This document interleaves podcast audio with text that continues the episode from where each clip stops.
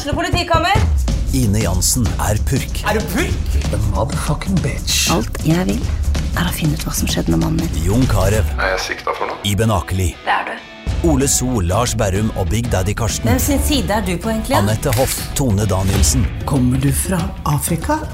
Jørnis Josef, Nesten. Kløfta. Trond Espen Seim, Det er synd å si det, men det var feil mann som døde. Purk. Premiere tirsdag på TV2 Play.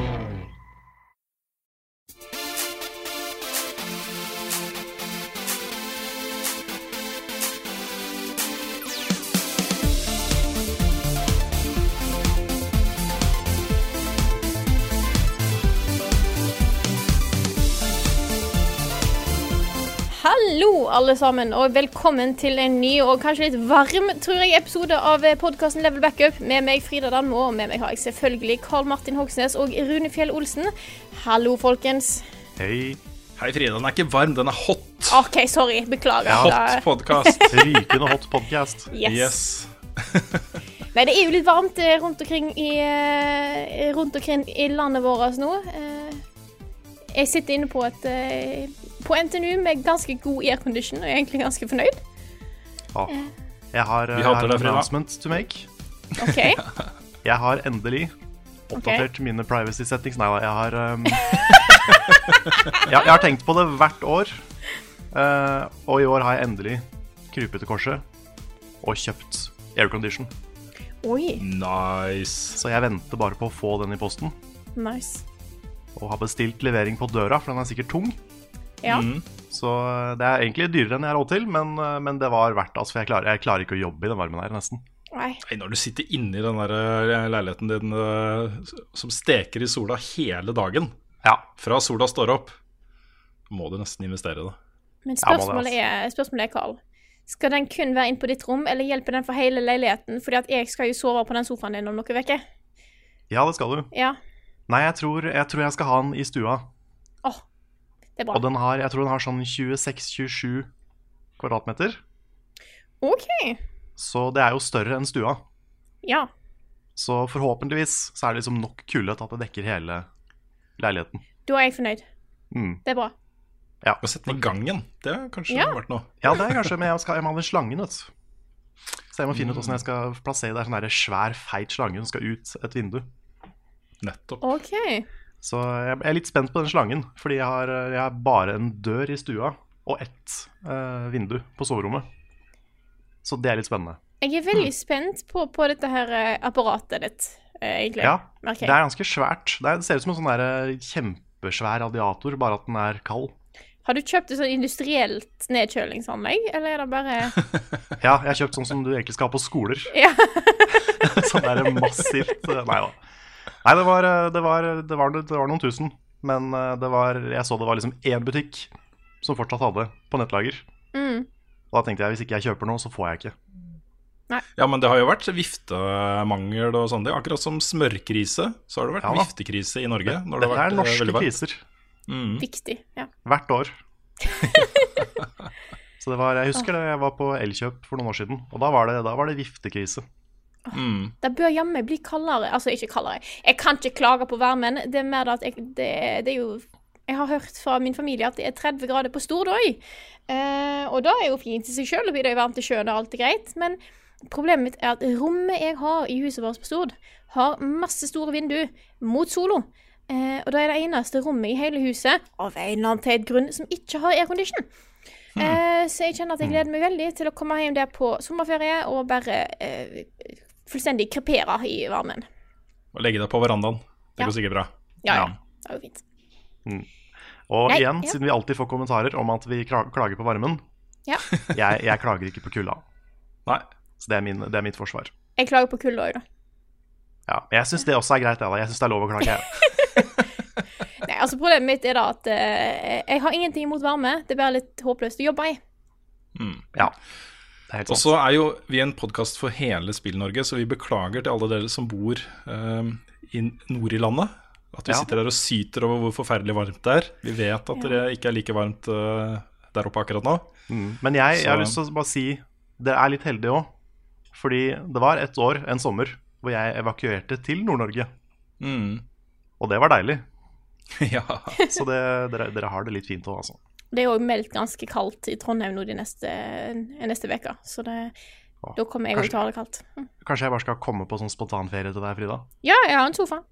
Ja, der låner jeg den, og så bare lever jeg litt i kulda i noen dager. Ja, supert. Jeg skriver master, så du får eh, underholde Underholde deg sjøl. Ja. Mm. Ja, ja. Og det var det vi fikk tid til i ukens episode av uh, Backup. Tusen takk for at du hørte på. Nei, vi er jo en spillpodkast, så vi kan jo egentlig bare hoppe videre til å snakke om hva vi har spilt om i det siste. Og da gir jeg, eh, da gir jeg ansvaret videre til Rune, som skal få lov til å begynne. Det blir mye Souls om dagen. altså Jeg vet vi får litt, uh, litt klager på at vi uh, snakker litt mye om uh, Soulsborne-spillene. ja, jeg vet ikke hvor mye vi skal tillate oss å snakke om det i, i dag. Fordi det er jo Nei. relevant. Ja, også, Nå har jo Dark Souls uh, Remastered kommet ut. Og da er det, det er liksom nyhetsaktuelt. Mm. Um, så jeg har jo spilt den uh, fram til der vi er i, i Soulmates-serien vår. Eh, Folk må bare akseptere, altså. Vi er, noen ganger så er vi glødende opptatt av noe, og uh, vi liker å snakke om ting vi er glødende opptatt av. Ja. Uh, og i hvert fall hvis det har kommet et, et nytt spill i en serie vi er glødende opptatt av, må vi, må jo få lov. Syns jeg, da. Ja. Eller, eller en remaster av et gammelt spill. For eksempel. ja, nei, men vi har jo kommet til et visst punkt da, i Soulmates-serien. Eh, Så det jeg har gjort er at jeg har spilt opp til nøyaktig samme punkt. Og har, det er litt morsomt, jeg har ikke fulgt nøyaktig samme rute og gjort alle de samme tingene som, eh, som eh, vi har gjort i Soulmate-serien. Men jeg har prøvd å holde meg så nærme som mulig. da Så jeg har samme våpen og samme øh, klær. øh, og noenlunde samme stats og sånne ting. Um, så nå, jeg skal liksom fullføre der òg, men jeg må jo vente til vi kommer videre i Soulmate-serien. Jeg, jeg skal ikke rase forbi. Så det jeg har gjort da for å bøte på de abstinensene For nå er jeg så utrolig glad i, i Dark Souls 1. Uh, og jeg, tenk, altså, jeg kan ikke vente på neste uh, session, så jeg har begynt på Dark Souls 3. og kommet ganske langt der. Jeg er vel rundt level 50. Um, har kommet til katakombene. Møkkasted. Um, men det, det er så bra, altså Dark Souls 3. Holy fuck, det spillet er bra. jeg koser meg så sjukt med det spillet. Ja. Jeg har sagt det hver, hver gang vi snakker om Souls-spill og sånne ting, så må jeg nevne det. Jeg, jeg trodde ikke de spillene var noe for meg. Og alltid tenkt på at dette er ikke et serie for meg. Det er for vanskelig, det er for knotete. Eh, Jeg kommer til å føle meg dum og dårlig. Men isteden så føler jeg meg bare dritgod når jeg spiller de spillene. Jeg kommer meg gjennom liksom, Jeg er ikke verdens beste gamer, men jeg kommer meg gjennom. Um, og føler meg bare som en konge. Det er eh, helt fantastisk, den der mestringsfølelsen jeg får av de spillene. Og så er det jo ekstremt vellaga. Ja, ja, det er noe med det. Eh, Jeg har sagt det før, jeg sa det senest på stream i går. Men eh, de spillene der blir jo markedsført veldig og hypa opp som liksom, dette er vanskelig, og du kommer til å dø masse, og du kommer til å ha det vondt. Og det er litt sånn tosidig at de blir det. Fordi det er jo sant at de er vanskelig, men det er ikke derfor de er bra, syns jeg. Det er fordi de er så vellaga. Det er fordi, som du sier, den mestringsfølelsen er veldig sterk. Og det er bare utrolig bra skrudd sammen spill. Og du må ikke være en sånn her um, 14-åring som har tatt eh, fem Red Bull for å komme deg gjennom et sånt spill. Det handler bare om å være tålmodig, lære av det som skjer, lese fiender, bevege deg smart. Det er liksom Det er veldig givende å spille. Og jeg, Og En ting jeg liker veldig veldig godt med Dark Souls 3, er at den kanskje i større grad enn noen av de andre spillene gir deg muligheten til å eh, spille på din egen måte. Du kan, ikke, ikke gjennom hele spillet, men på ganske store deler av innholdet, så kan du holde deg mye eh, range. Det er mye bra range-muligheter, både med magi og med range-våpen. Um, eller du kan gå brawler. Du kan velge litt selv, da. Um, de fleste vil vel kanskje ta et sted midt imellom, men um, du kan, du kan velge å spille ganske forsiktig, Pyromancy er også ganske kult. ikke sant? For da slipper du å investere masse i magi. Mm. Nei, jeg syns den eh, PC-versjonen av Dark Souls 1 heter jo Prepare to Die Edition. Det er den som er, har vært Den blir fjerna fra salg på Steam nå, nå som Remaster har kommet. Men det burde bare hett Prepare to Be Badass Edition eller noe sånt. Prepare to Kick Ass Edition eller noe sånt. Prepare to have really fun in this game. ja. Ja. Så ja. Nei, men um, jeg har jo aldri hatt helt den der greia for Dark Souls 1, som de mange andre har hatt. Litt fordi jeg spilte toeren først, og så spilte jeg Bloodborne, og så gikk jeg tilbake til én. Mm. Men når jeg spiller eneren på nytt nå, så får jeg mer den. Mm. For nå ser jeg alle de små tinga som Dark Souls 1 gjør så bra. Og eh, spesielt sammenligna med Dark Souls 2, så er Dark Souls 1 en så veldig sånn finpussa, gjennomtenkt verden. Og det Mm. kommer veldig fram. Uh, og jeg tenkte ikke så mye på det første gang jeg spilte, for da var jeg så opptatt av liksom, dette her skal jeg klare, jeg skal komme meg gjennom. Mens nå som jeg kjenner spillet litt, da, så klarer jeg å se mye mer av hva som er så bra med det. Mm. Og nå skjønner jeg veldig den derre hvorfor folk hauser opp eneren som noe av det beste i verden. Ehm, ja, det er litt kult å gå gjennom Dark Souls 1 igjen på en sånn måte. Mm. Og så er den også litt lettere å få grep på enn Dark Souls 3. Eh, Det er veldig mye Dark Souls 3 jeg bare rett og slett ikke forstår ennå. Men med hvilke muligheter man har eh, til oppgradering av våpen, og eh, hva de forskjellige greiene man finner, gjør, og masse sånne sideting som ikke jeg, jeg vet hva er ennå. Um, men jeg lurer på om det kanskje ikke er helt meningen, altså at man ikke trenger å vite alt sammen. Men i Dark Souls 1 så følte jeg at det var lettere å bare forstå pathen videre på uh, hvordan du oppgraderer våpen og gear og, uh, og hva du velger å bruke souls på og sånne ting av eh, stats, um, enn det er i treeren. Så kanskje også Dark Souls eh, Remastered er, om ikke det letteste spillet å starte på, så kanskje det som er lettest å forstå, da. Mm. Utenom Bloodborne. Utenom Bloodborne. Det er jo en litt annen greie. Mm. Det jeg Ja. liker med Dark Souls Det er annen ting jeg liker med Dark Souls 3, er jo at jeg kan spille det nesten som Bloodborne. Hvis jeg vil. Ja, det kan du. Det er, eh, det er lurt å ha skjold av og til, men, Mm. uh, men Dark Souls 3 er mye mer aktivt, mye kjappere. Ja. Så, så hvis du er fan av Bloodborne, men ikke helt klarer Dark Souls, så det da er treeren å anbefale. Jesus Christ også. Ja, ferdig. Good games. Er, altså, jeg, syns, jeg syns helt ærlig at det bør være lov til å snakke om spill vi er interessert i, som, eh, som er, spiller mye i for tida. Eh, så får folk bare være uenige, da. Vi skal jo ikke bli eh, level souls up-podkasten, eh, sånn at det, det går i perioder, dette her. Er det noe annet du har spilt, Rune? Eller er det bare souls det går i nå? Uh, nei, jeg har, ikke, jeg har ikke spilt så mye annet, egentlig. Nei. I hvert fall ikke. nå. Ja, jeg Ja. har jo spilt et spill som nylig kom ut, Ja. som heter eh, Dark Souls Remastered. Yes. Uh, spilte gjennom hele Nei da, jeg har, um, jeg har også uh, spilt litt med Detroit, Ja. så jeg kan eh, si litt om det. Uh, fordi en ting som jeg tenkte mens jeg anmeldte det, og som jeg alltid tenker etter David Cage-spill, det er at de spillene har en tendens til å synke litt sånn i ettertid. Når jeg tenker på alt det som var rart med historien og ting som ikke helt hang på greip. Selv om jeg koser meg mens jeg spiller det, så kommer litt de tinga etterpå. Ja. Men uh, det som er litt spesielt med Detroit, er at jeg får begge deler. Det er ting som går ned, og så er det ting som går opp. Okay. Og jeg har spilt gjennom en gang til nå, for å ta liksom andre valg igjen. Og det er litt gøy å se hvor annerledes det er.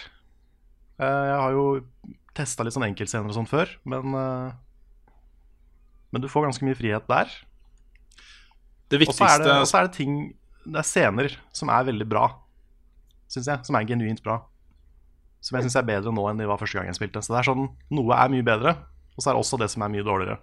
Så du ligger fortsatt på samme karakter som du eh, Ja. gjorde du anmeldte da? Men kan Mm. du, ta, du kan jo ta og repetere den, i tilfelle det er folk som ikke har fått med seg den. Det kan jeg gjøre. Det fikk sju ja. av ti. Og den, eh, den står jeg fortsatt for. Jeg var litt sånn, jeg vippa mellom eh, sju og seks, egentlig. Endte opp på sju fordi det føltes eh, for slemt med en sekser. Og da tenkte jeg at ok, jeg kommer til å angre på det, kanskje.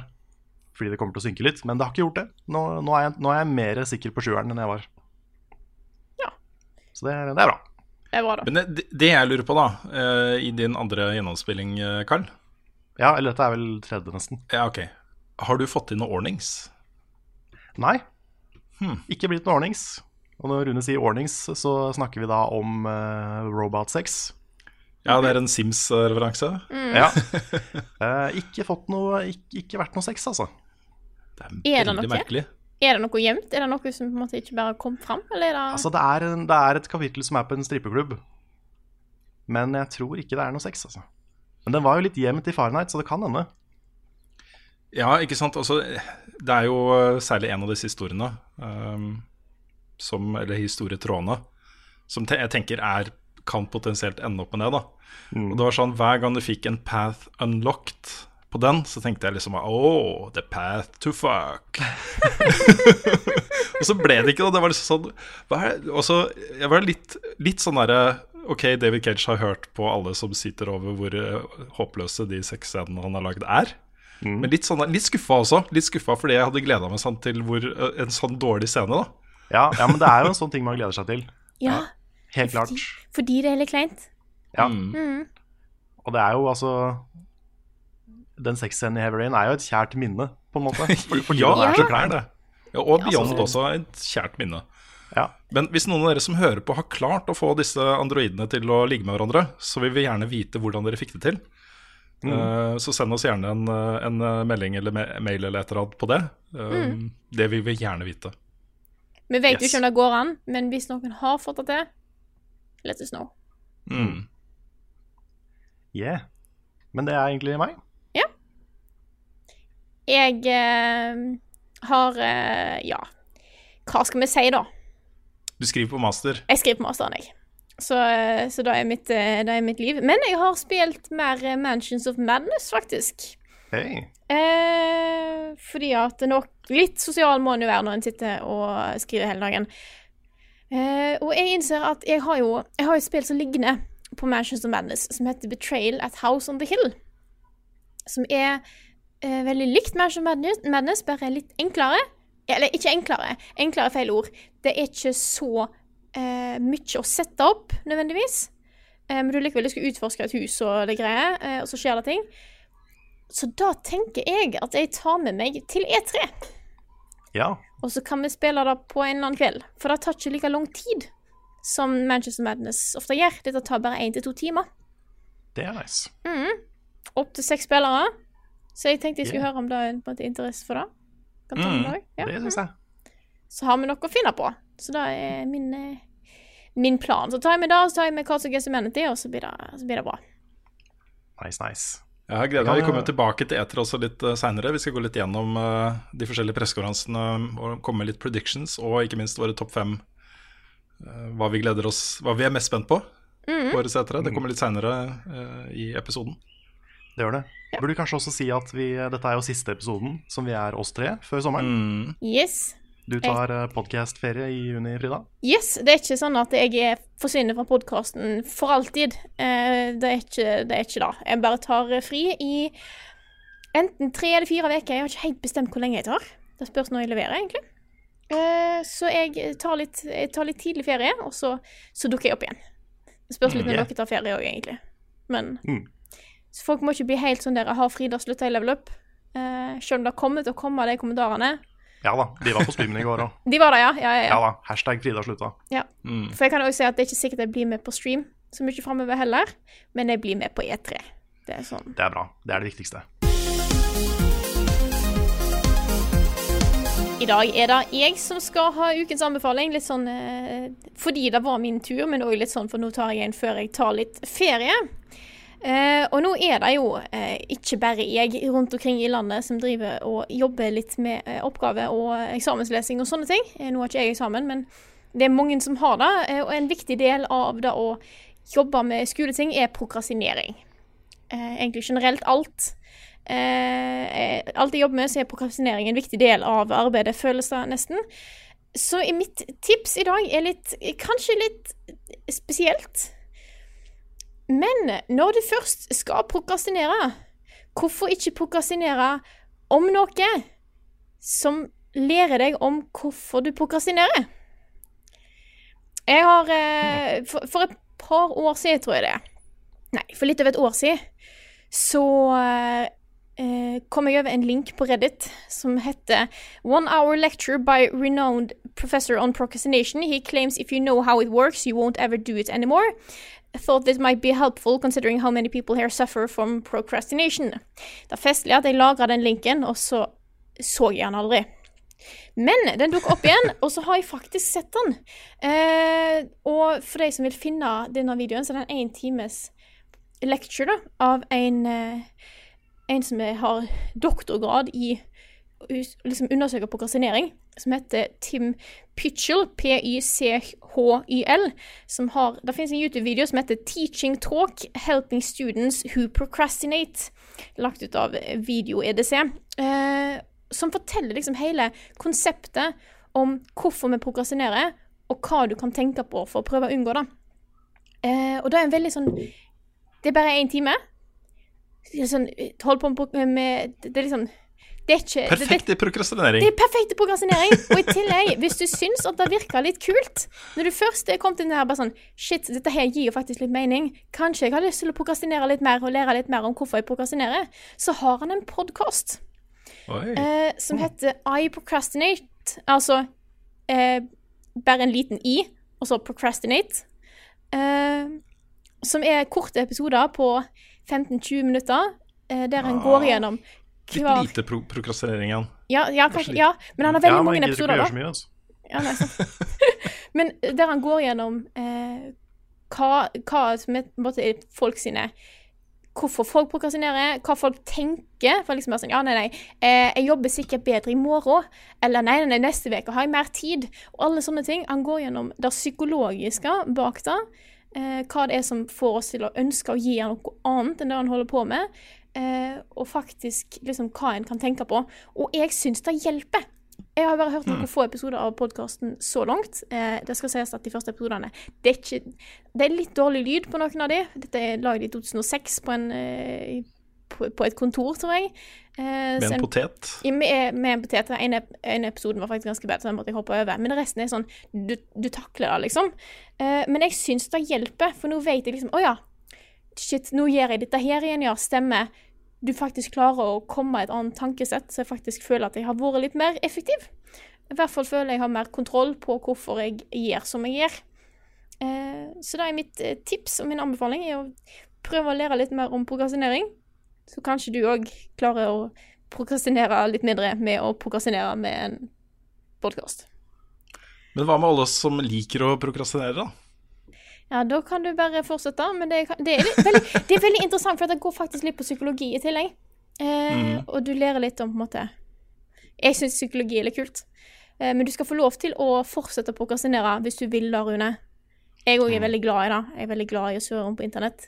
Ja. Men hvis en har ting en må gjøre eh, Det er, litt, sånn, det er litt greit å bli Altså hvor produktiv man blir på alt annet.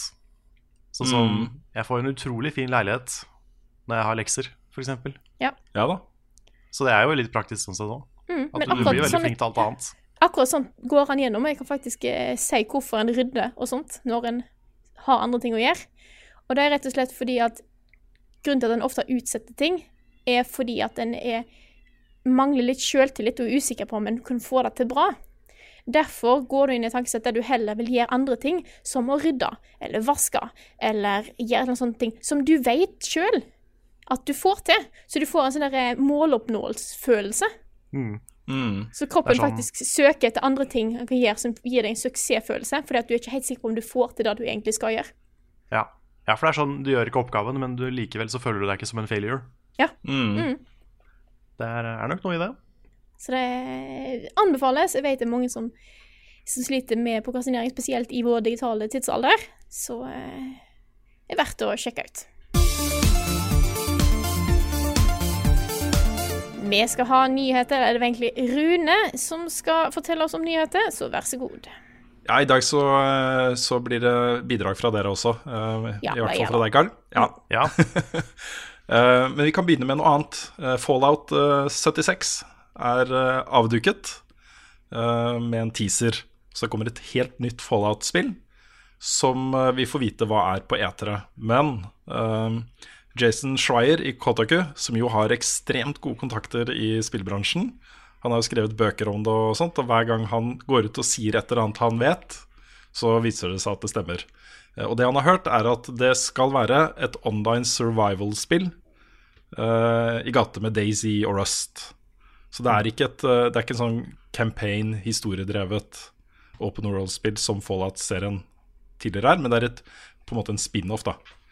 Um, og så skulle vi hatt Nick her, for han er liksom vår law-mester. Men det han snakka om, og det som uh, er, eh, er viktig med at det er Volt 76 uh, som er sentralt her, er jo at det var det første voltet som fikk lov til å åpne etter uh, atomkatastrofen.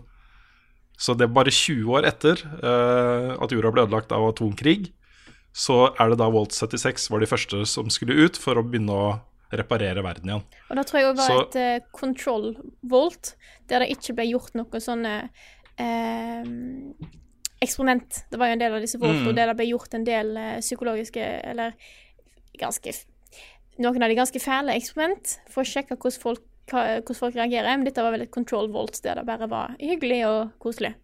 Mm. Nei, så, så vi får se. Det, er, eh, det gjenstår jo eh, å se om eh, Schreier, Schreier har riktig, men jeg stoler på han, jeg. Ja. Så Jeg likte måten de annonserte dette her på. Det var jo en 24 timer lang, tror jeg, livestream. Hvor det bare var sånn 'please stand by', og så var det en sånn dokke av Voltboy som hoppa ut. Så eh, folk satt jo og fulgte med i 24 timer mm. for en sånn liten. Jeg syns det var en god teaser også, for de viser fram eh, innsiden av Volt eh, 76. Uh, ingen mennesker der i det hele tatt. Eh, bortsett fra helt på slutten, så ser du en ta på seg en coat hvor det står eh, 76 på ryggen. Um, men veldig stemningsskapende. Så får vi se da om det fylles med, med zombier og Eller det er vel muterte folk her. Ja. Mm.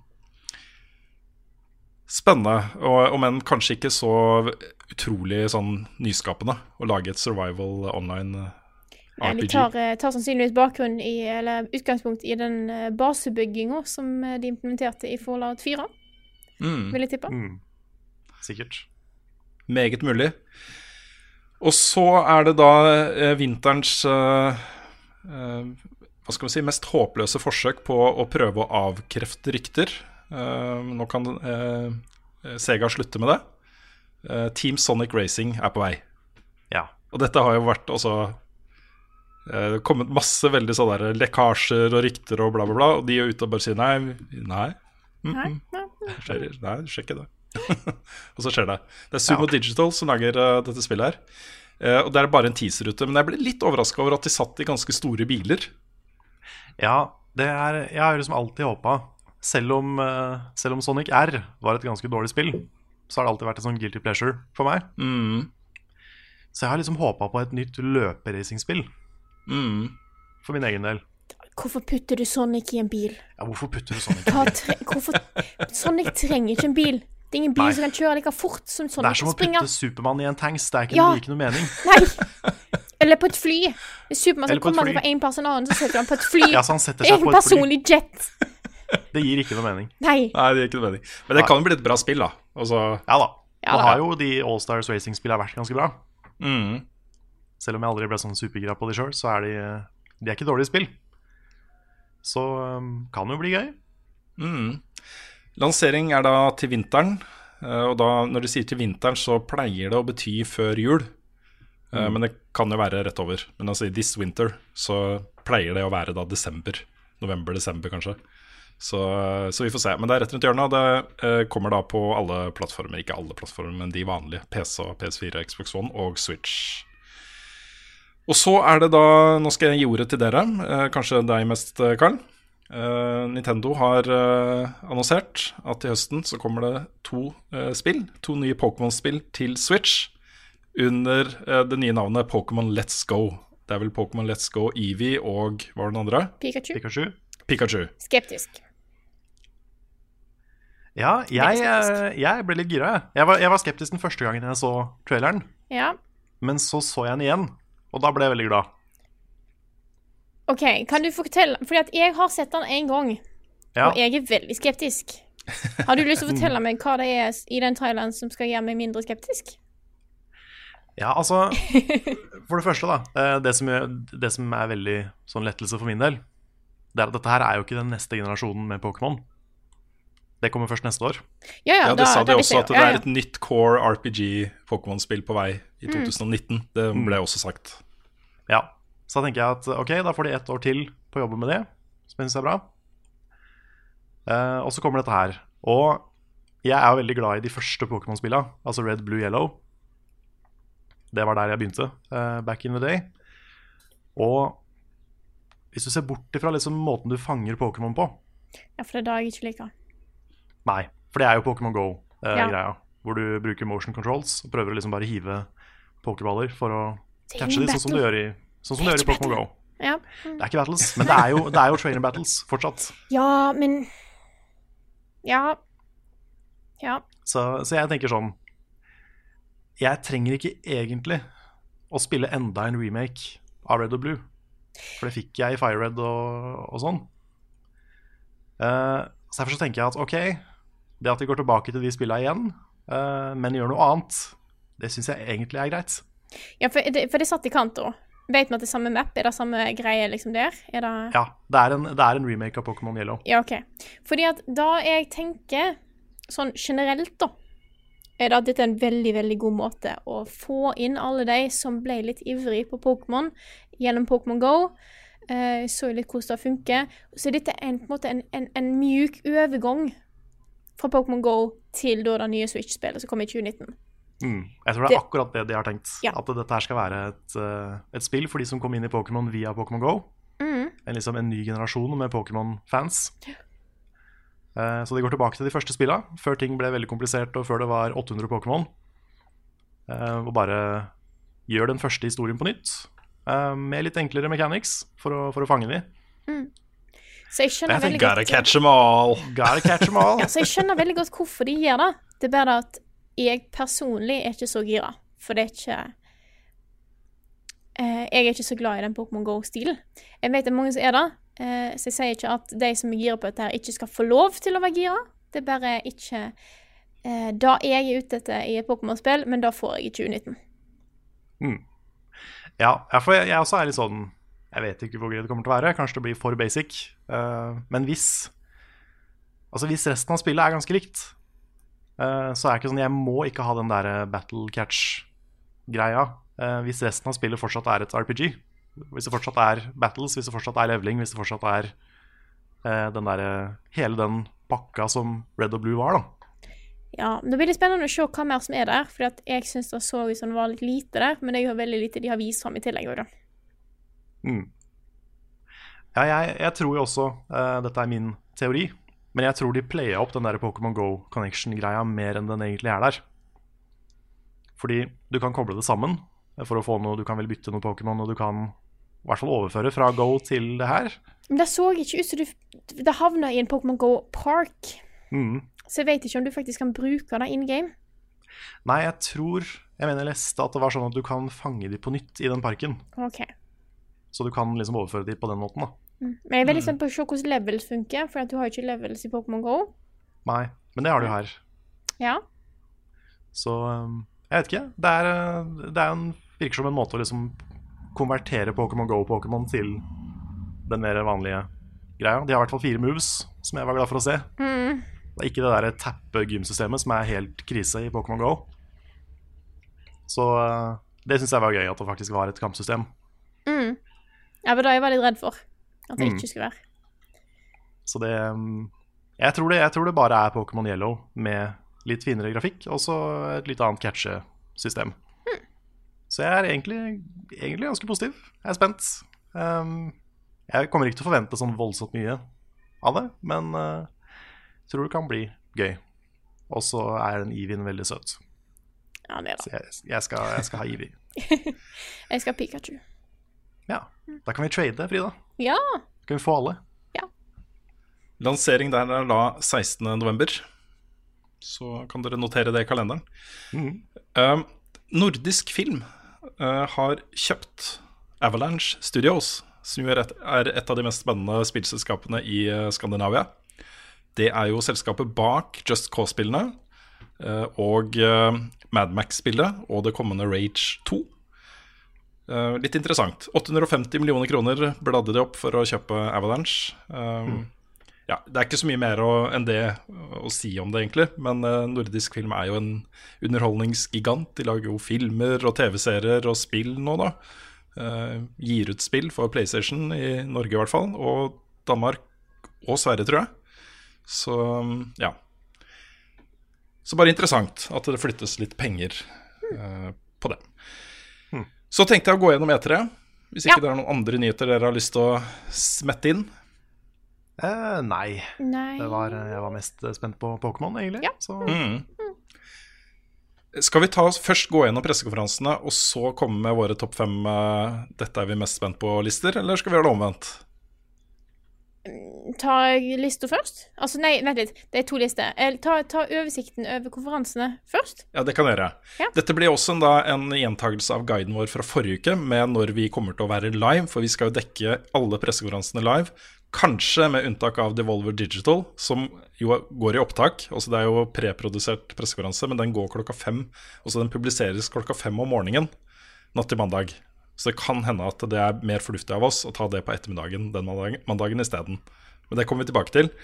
Uh, første pressekonferansen er jo da lørdag 9. juni klokken 20.00. Det er Electronic Arts. Uh, og det vi vet på forhånd, er at Battlefield 5 får sin gameplay-debut.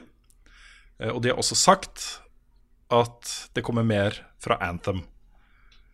Det er egentlig altså, alle EA EA Sports, EA Sports-tingene selvfølgelig, og Sims osv. Men av de store eh, andre tingene, så er det de to spillene vi vet uh, kommer til å ha sentral plass da, på EAs uh, pressekonferanse. Eh, det går også veldig sterke rykter om at eh, eh, vi kan få ende opp med å se noe fra Dragon Age 4. Vi vet at uh, BioWare jobber med det, men vi vet ikke når de har tenkt å annonsere det. Men Eter er jo en sånn sted hvor man kan gjøre sånne ting. Ja. Så det er det vi vet. kan, Hva tror vi? kan det hende at Josef Fares kommer med Away In? Yes. Ja, det kan, kan fort være at han dukker opp. Altså, jeg vet ikke om de tør å slippe han løs på en scene igjen, men uh, Nei. Nei. Han kom jo ganske kjapt ut på Twitter etter uh, Away Out-lanseringa og sa at han allerede er i gang med uh, det neste spillet til Haze Light. Eh, og at han gleder seg veldig. Det er sikkert en idé han har gått med lenge, som eh, det har vært ligget i planene at det vil være deres neste spill. Men jeg tipper at det ikke har kommet langt nok til at det kommer noe derfra. Da. Eh, men det går også rykter om et Unravel 2, så, Ja. så det kan jo fort skje på etere. Mm. Ja, det var, sånn, det, var, det var ikke dårlig, men det var sånn passe, syns jeg. Mm, sånn nesten dritbra, men ikke helt. Ja, det kunne vært, Mm.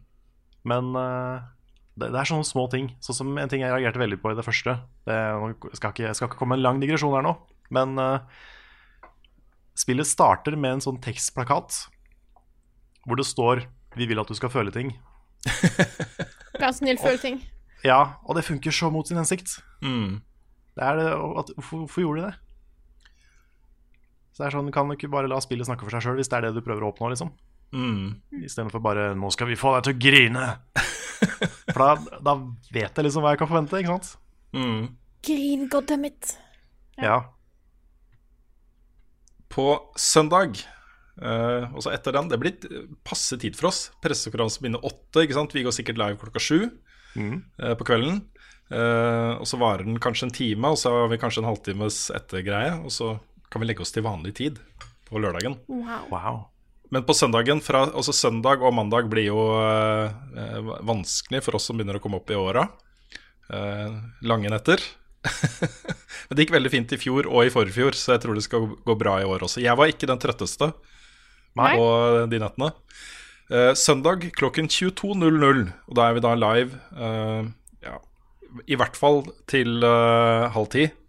Eh, så er det Microsoft. Og det er den pressekonferansen jeg er mest spent på. Det nevnte jeg jo forrige uke også. Um, Microsoft var jo veldig gode i fjor, um, men sånn Kanskje ikke sånn utrolig exciting i etterkant, det som ble vist Nei. fram. Nei, fordi de vant jo penneleken i fjor. Mm. Ja, de gjorde det. Stemmer, da. De gjorde Det det. Men det var jo mye fordi de hadde mye kule ting å vise. Mm. Ikke nødvendigvis fordi de hadde mange exclusives. Veldig, mange, veldig mange av de spillene som ble vist fram der, vil jo komme på både PC og PlayStation 4 også. Mm. Uh, stor andel. Og de eksklusive spillene, sånn i etterkant, så har kanskje ikke de verken innfridd eller oppglødd folk så mye som man trodde de kunne komme til å gjøre. Um, sea of Thieves, eksempel. Jeg vet mange elsker det, men mange syns jo det er altfor lite innhold, at det er ganske kjedelig også. Så det er ikke noe universalt elska spill. Som en sånn stor eksklusiv skal være, da, ikke sant? Um, Men det som man kan forvente seg, da, det er jo eh, de faste, eh, vanlige tingene, på en måte. Eh, et nytt Halo-spill. Blir ikke overraska. Nytt Gears of War går det rykter om. Heller ikke overraska. Eh, nytt Forsa og eller Forsa Horizon. Eh, Crackdown 3 er jo fortsatt på vei. Eh, og så går det sterke rykter om et nytt Fable, altså Fable 4. En ordentlig oppfølger. Ikke et eh, sånn eh, spin-off-spill eller noe sånt, men en ordentlig stor uh, vestlig Selda-lignende, uh, nydelig, deilig eventyrgreie. Jeg har jo faktisk en Fable Legends T-skjorte. Du har det, ja? Og den, jeg pleier jo ikke å gå med sånne T-skjorter som bare er, som bare er liksom navnet på et spill. Mm. Um, men nå som det spillet er kansellert, så er den T-skjorta litt kul. Den er jo kjempekul. ja, det er helt sant. Så eh, kanskje jeg bare skal litt sånn ironisk ha på meg den under E3. Under, I hvert fall den pressekonferansen. Det bør du ha, Ja. Carl. Ja, kanskje. Det syns jeg. Men det, det grunnen til at jeg er mest spent på Microsoft, er at jeg tror de kommer til å vise fram noe helt nytt. Og jeg håper Jeg vet at eh, folk er litt mot eh, eksklusiver og sånne ting, men eh, for Microsoft sin del og for konkurransens del så håper jeg at det kommer noe der som bare kommer på Xbox One og PC, som man blir skikkelig, skikkelig hypa for. Det hadde vært kult å sett noe som man ikke forventer. Eh, Det er Det blir liksom Nå får vi se da hvor seriøst Microsoft vil konkurrere.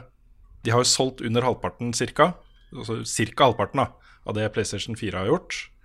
Um, og sånn har det ikke vært alltid. De har jo vært mer i gamet før og hatt flere eksklusiver og sånne ting. Jeg tror jeg snakket er- om at uh, Switch-salgstallet begynner å ta igjen Xbox One-tallet. Mm. Ja, det er lettere å være oppglødd over Switch, selv om eh, Xbox One er en fantastisk konsoll, og det er massevis av dritbra spill, og bakoverkompatibiliteten med Xbox 360 er helt nydelig. Eh, og den her abonnementstjenesten deres får flere og flere spill. Det er masse der. Det er en kjempekonsoll.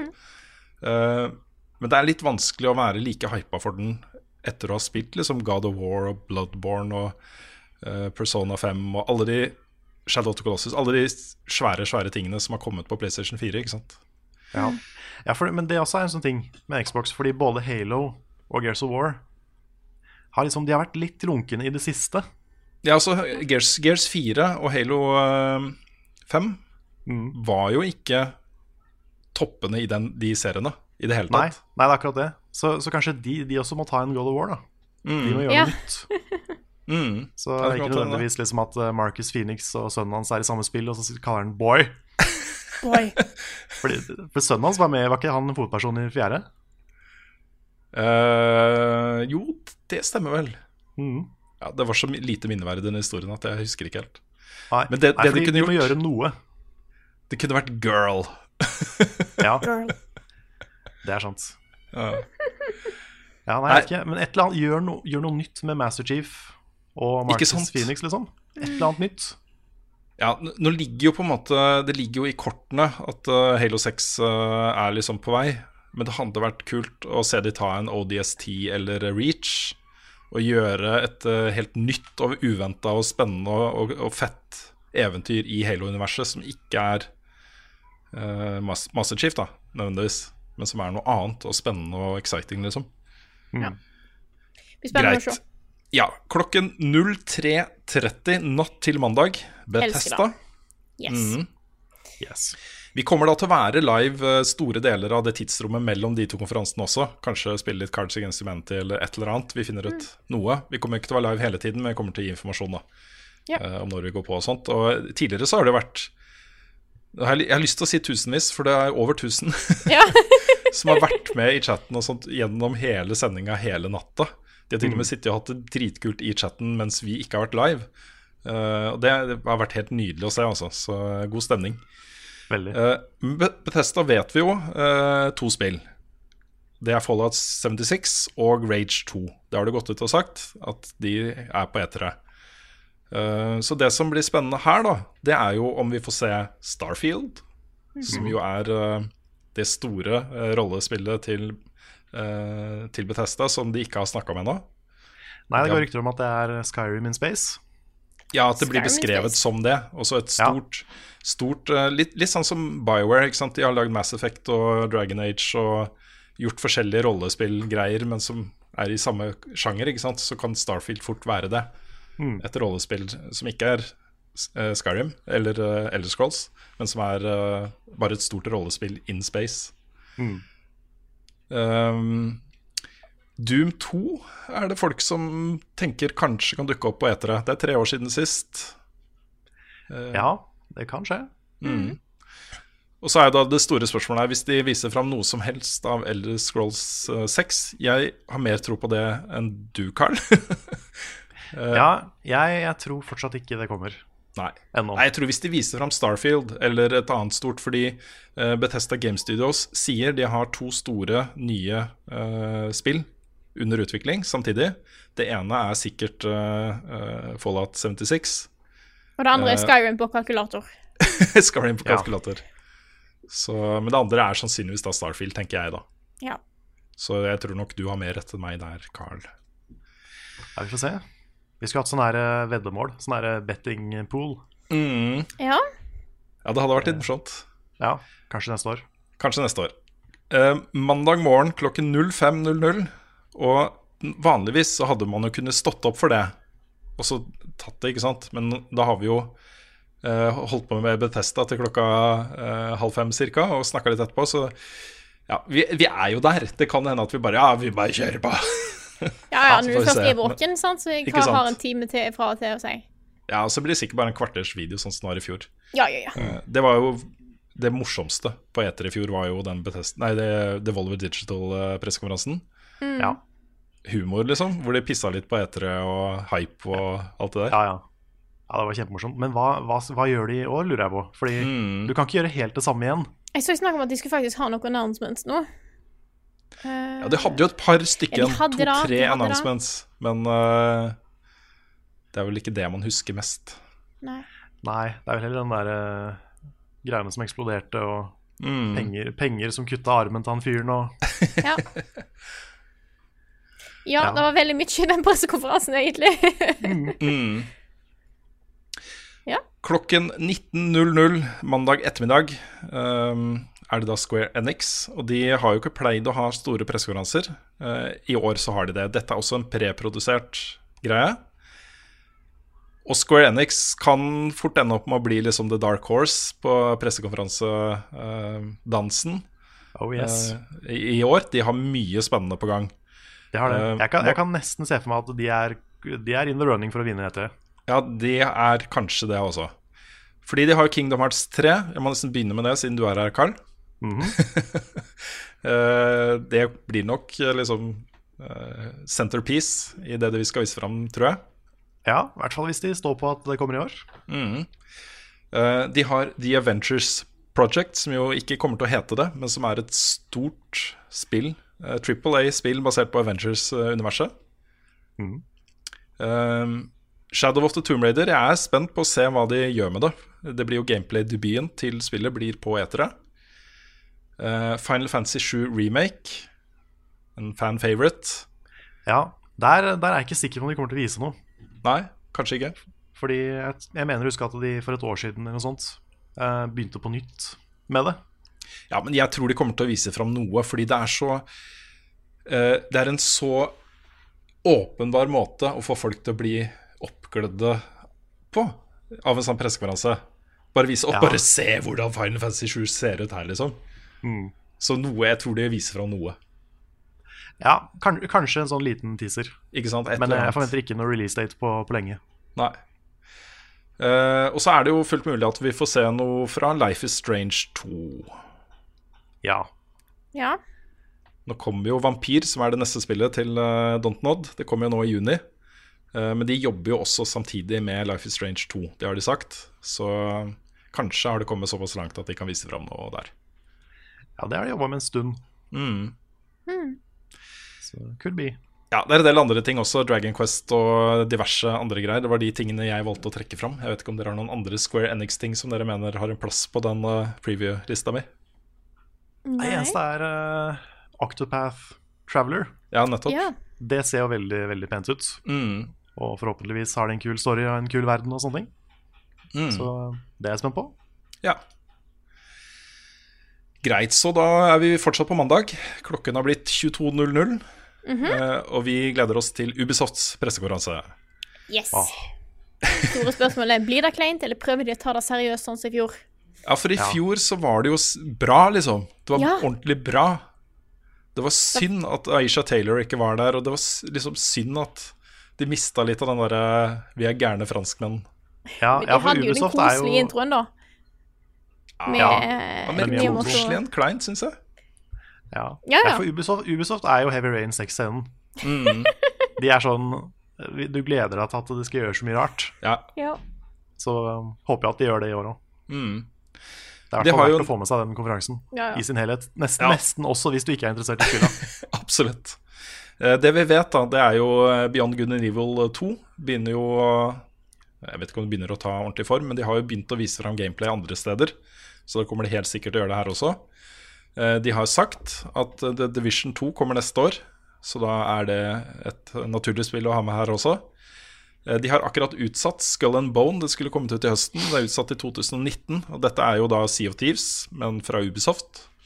Um, kanskje litt mer nærmere uh, sjøslagene i Far Cry 4 enn Sea of Thieves. Uh, men Kanskje vi uh, innså- Assassin's Creed 4? Assassin's Creed, hva var det jeg sa? Far Cry? Ja, jeg mente Assassin's Creed. Jeg reagerte ikke på den gangen. Nei. Nei, men jeg, Det er de, de har sikkert sett uh, hva, hva Sea of Thieves mangler da, av innhold, og så er det bare sånn Nei, shit, vi er nødt til å bruke litt lengre tid for å legge til mer innhold, så ikke vi går i den samme smellen. Det er en analyse som makes sense, Frida. Gjør det.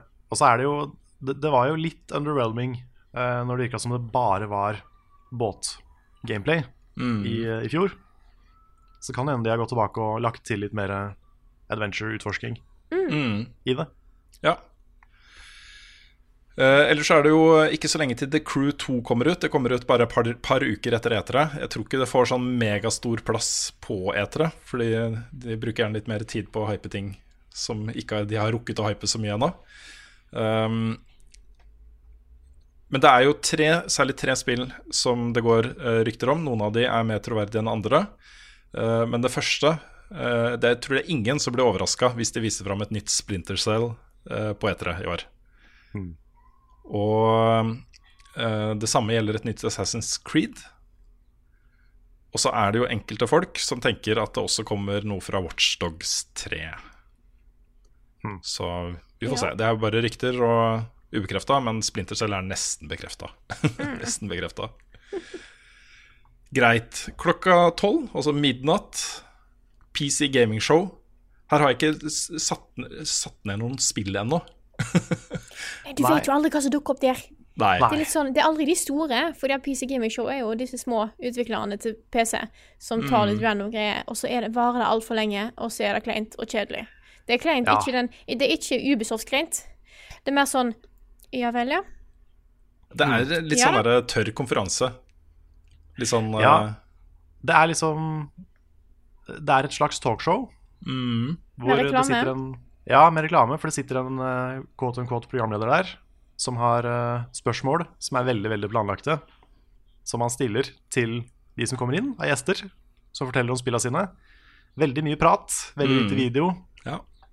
Um, PC-gaming er veldig mye mer spennende enn den pressekonferansen pleier å få det til å virke Sånn. Mm. For det er, eh, det er så tørt, det PC-gaming-showet. De skulle fått inn de store folk fra Blizzard uh, og sånne ting som kunne kommet inn og hypa ting litt opp, da. Mm. Uh, jeg, jeg har uh, jeg, jeg, har, har de snakka litt om hvem som skal være programleder der? Er det Day9 i år? For han Jeg har ikke jo fått med meg. Nei, for han gir jo Han er jo flink. Day9 er kjempeflink. Eh, så hvis han får litt mer mulighet For jeg tror han er veldig, veldig restricted, virker det som. Mm. Eh, så hvis de Eller inn litt. Ja, sant. Hvis han får litt mer frihet, og de får inn litt mer uh, større folk Få inn noe Blizzard-folk, da. Kom igjen. Det Mm. de, de elsker PR. Eh, Og så bare få de til å vise fram litt greier. Litt World of Warcraft som snart kommer ut, eller et eller annet. Et eller annet. Men jeg skjønner at Blizzard har lyst til å holde ting til sine egne pressekonferanser. De har jo en egen BlizzCon. Mm. Men ja.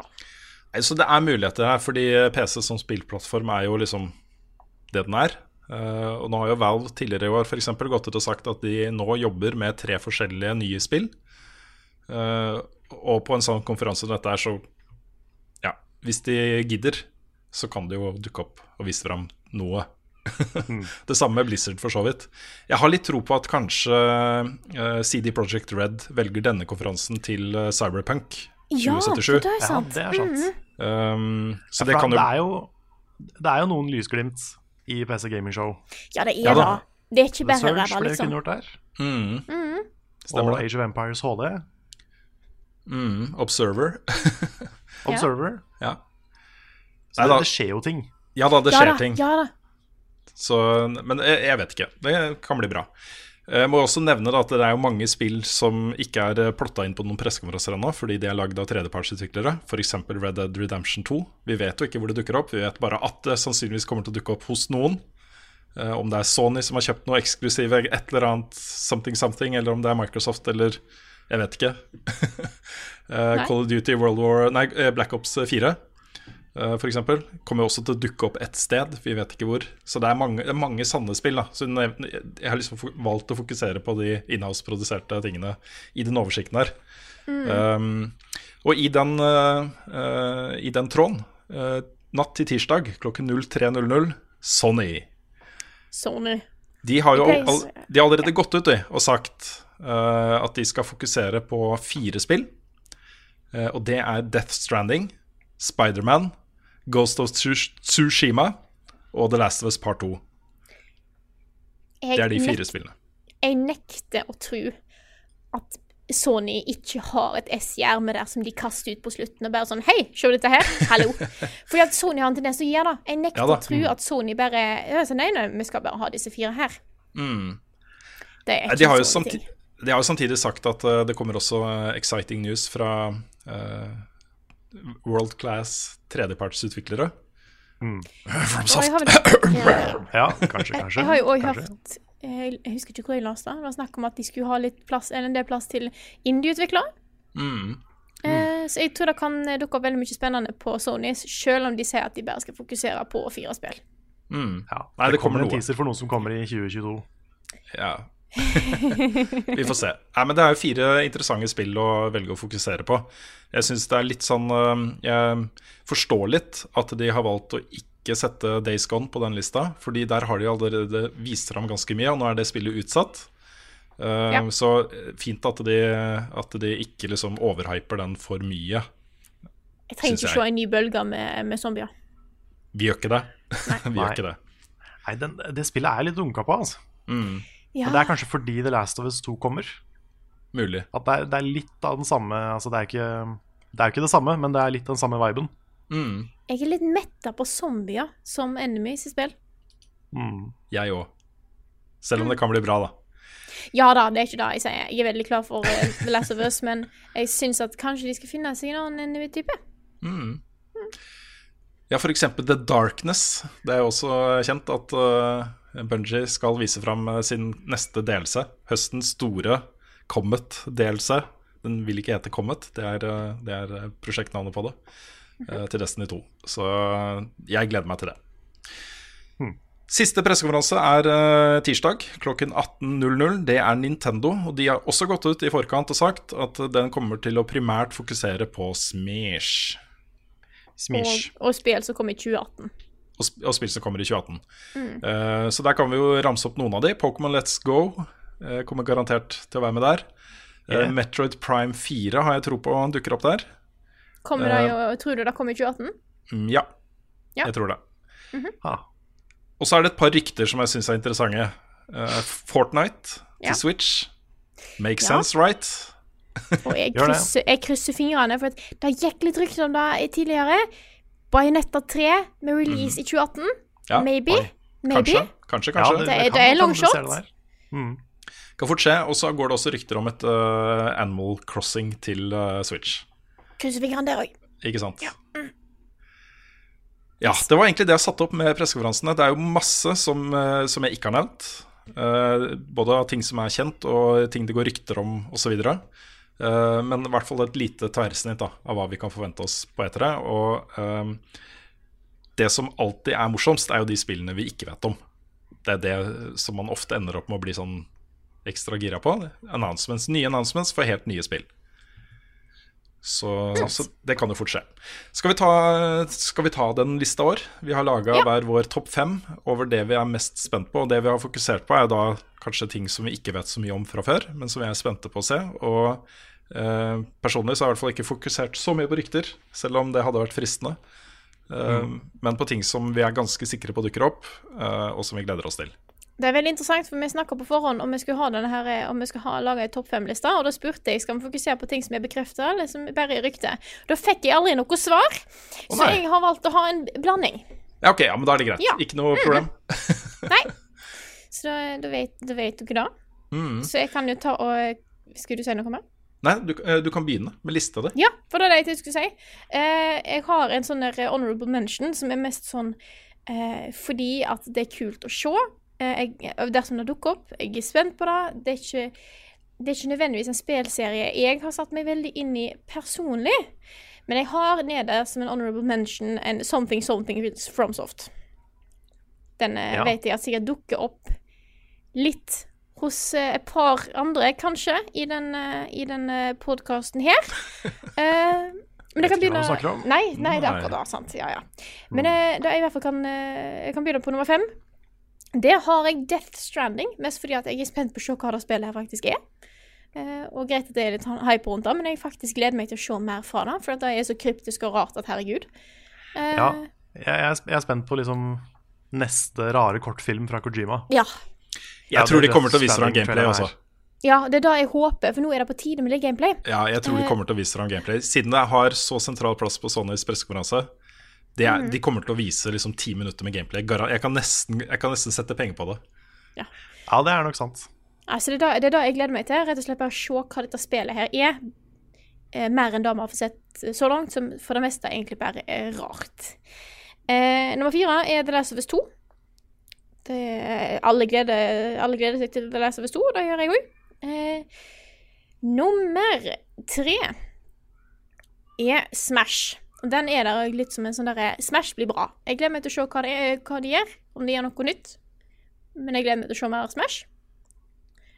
Uh, nummer to er Ori and the Will of the Wisps. Mm. Som de t- viste litt fra eh, en, kort trailer til i fjor. Jeg er spent på å se mer av det. Eh, det er en av mine favorittplattformspill uh, der ute, så det jeg gleder meg til. Og på toppen så er det jo Bajonetta 3. Eh, jeg har fortsatt trua på en 2018-release. Det gikk litt rykte om det i da de eh, avduka det eh, for noen måneder siden. Jeg har tro. Jeg har tru, jeg har, se, altså, På den lista her så er det jo òg et eller annet 3D Rayman. Som òg er en sånn der honorable mention. Som bare sånn der, det, det, ja. Men Bajonetta 3 har jeg tru tro og håp om at kan dukke opp. Det er snart tid for et nytt eh, 3D Rayman. Det er det! Jeg sier det hvert år. Jeg har sagt det på Ja. Hvor mange har jeg sagt det på de tre forrige E3? To? To forrige E3 jeg har vært med på, så har jeg sagt nå vil jeg ha et 3D Rayman, og det dukker ikke opp. Nå vil jeg ha et 3D Rayman. Ikke gi meg noe Raving Rabbids her nå. Nå skal jeg ha 3D Rayman. Og den på en måte står i en sånn egen sånn liste uh, utenom. Ja, men, men jeg kan se det for meg. Fordi nå fikk vi liksom New Super Mario Bros, og da kom 2D Rayman tilbake. Nå har vi fått Mario Odyssey, da kan 3D Rayman komme tilbake. Yes! Gi- Bare gi meg, da, sier jeg. Mm. Hva, jeg drit i plattform, eller i hvert fall noe som jeg kommer til å spille det på. Bare gi meg på et eller annet PC, PlayStation, Switch, Engage. whatever. Engage, ja. Ja. Så det var min lille rant. Har du lyst til å fortsette, Carl? Det kan jeg gjøre. På femteplass så har jeg Ghost of Tsushima. Mest fordi uh, der spiller vi vet veldig lite om, og jeg har lyst til å se mer av det. Mm. Og det kommer sikkert ikke ut på en stund, men uh, jeg er spent på å se hva det er. For det ser jo litt sånn, jeg får litt sånn Neo-vibes. Mm. Jeg håper det har litt den type combat. At det er litt sånn Må ikke være kjempevanskelig, liksom, men, men at det er litt sånn reaksjonsbasert. Litt sånn uh, rulling og parrying og litt sånne ting som jeg liker. Så, um, så det er jeg spent på. Ja, dette er jo Sucker Punch. Dette er jo Sly. Også, de er jo blant verdens beste på eh, liksom 3D-plattform exploration-spill. Ja, ja, det er det jeg håper det er. Mm. Så det, det blir spennende. Og på fjerdeplass så har jeg Pokémon Let's Go, Pikachu Eevee. For jeg er litt spent på at de skal gå litt mer i detalj på hva de spillet er. Um, gleder meg til å finne ut åssen liksom de, de små tinga fungerer. Sånn leveling og battling og om det er mye av det samme som før. På tredjeplass har jeg Smash. Fordi selvfølgelig det kommer til å bli, kommer til å bli gøy. Um, jeg er spent på hvor annerledes det er fra Wii U-versjonen. På andreplass, ikke førsteplass, har jeg Kingdom Hearts 3. Og det er, det er mest fordi Ja. um, det, det, er, det er mest fordi jeg allerede vet så mye om det. Mm. Men jeg forventer Det jeg tipper, min, min educated guess, er at vi får se en Frozen-verden for første gang. Ja, And the crowd goes wild. ja Det, da. Ja det hadde folk digga. Det hadde folk digga. Og det, passer, det syns jeg passer fint inn i spillet. Det Mm. er liksom, har ikke vært noen snøverdener ennå, så det, det glir liksom rett inn. Mm. Ja, du har egentlig rett i det. Ja, Så det, det er min Hvis, hvis jeg har én stor prediction for, for E3, så er det at vi får se Frozen. Mm. Eh, og på førsteplass så er det selvfølgelig uh, hva enn det spillet er, som har taglinen 'Shadows Die Twice' fra FromSoft. Jeg er ganske sikker på at de kommer til å vise fram noe der, også at vi får vite hva det er. Siden de har begynt Ja. å tease det. Ja, jeg uh, vil også tippe det er Sony eksklusivt. Mm. Siden Sony spesifikt gikk ut og sa at World Class tredjepart har noe spennende å vise fram. Ja. Bare tenk deg, se for deg den pressekonferansen starter bare med litt sånn eh, eh, lavmælt, men eh, skummel musikk. Skjermen er helt sort, og så står det bare FromSoft. FromSoft, ikke sant? Hvis de gjør det, Det er dårlig gjort. Det er dårlig gjort for de andre utviklerne. Eller andre pressekonferansene, egentlig. Har den panksorten. mm, nei, de, de kan av, godt avslutte med det også, bare de gjør det. Ja, ja. ja, ja. Ja, bare, bare, nå, nå er det på tide. Nå har vi lurt lenge nok på hva Shadows Die Twice er for noe. ja. Vi har det. Jeg, har, eh, jeg vil bare nevne at eh, jeg har ikke med et spill som The Last of Us 2, fordi jeg føler at jeg ikke trenger å se noe mer av det. Det er et sånn type spill som jeg bare vet at altså Det er Naughty Dog. Det er oppfølgeren til en av eh, de store favorittspillene mine all time, liksom. Det kommer jeg til å ha lyst til å spille uansett. Altså, jeg er ikke så spent på det. Jeg, jeg trenger ikke Nei. å se noe særlig mer fra det. Nei, det var det, var det jeg også tenkte med, med det. Ja, så, så det er en del, god del av de spillene som ikke er med på lista mi. Dette er bare ting som jeg virkelig er genuint nysgjerrig på hva er for noe. Uh, og på femteplass har jeg det nye Splinter Cell-spillet. Eh, det var jo en serie jeg likte veldig godt, men som mange av dere serier så gikk den liksom gradvis mer og mer på tomgang. Ingen dårlige spill i den serien, men mindre og mindre engasjert i den. Og nå har det gått lang nok tid. Nå er jeg klar for et deilig stealth, eh, snike, superagent-spill igjen.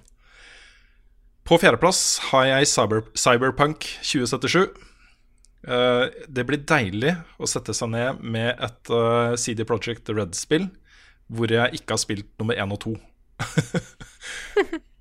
Så ikke sant, komme inn i et nytt, nytt univers med alt de har lært fra The Witcher 3 og osv. Mm. Har du spilt Witcher 3? Jeg har spilt fire timer med Witcher 3. Ja, jeg bare tenkte siden du sa at du gleder deg til å spille et CD Projekt- Project Red-spill der du ikke har spilt 1 og 2, tenkte jeg Witcher 3 er jo et perfekt spill i den Jo, kategorien. ja, men det, det, det jeg mener er at jeg synes Det er en av grunnene til at jeg sliter med å sette meg ned med The Witcher 3. Det er fordi jeg føler at det er et okay. problem at jeg ikke har spilt The Witcher 1 og 2. Så, Skjønner, ikke sant? skjønner. Ja, det var det jeg mente. Litt kronglete forklart, jeg beklager det. Du er tilgitt. ja, men uh, eh, det spillet Det spillet tror jeg blir the shit. Og så bare se for deg hvor, hylla de har blitt for eh, The Witcher 3. Hvor mange som har det på kåringer av tidenes beste spill, og hvor glad folk er i det spillet. Alt de har lært med DLC-er osv. siden den gang. Og den holdningen de har til DLC-er og mikrotransaksjoner og lootboxer og alt det der. Det kan bli det shit. Altså. Det kan bli så bra. Eh, og det er eh, futuristisk. Jeg syns også det er digg. På tredjeplass har jeg Metroid Prime 4. Det er eh, Metroid-serien er eh, en av mine all time favorittserier. Uh, og ja Den type gameplay jeg elsker. Også i God of War. Andreplass, Death Stranding. Det er liksom Ja, Hideo Kojima. Men der, der har jeg litt den der Last of Us igjen, selv om ikke vi har sett noe særlig gameplay. Mm. Så er Bare da gi meg det.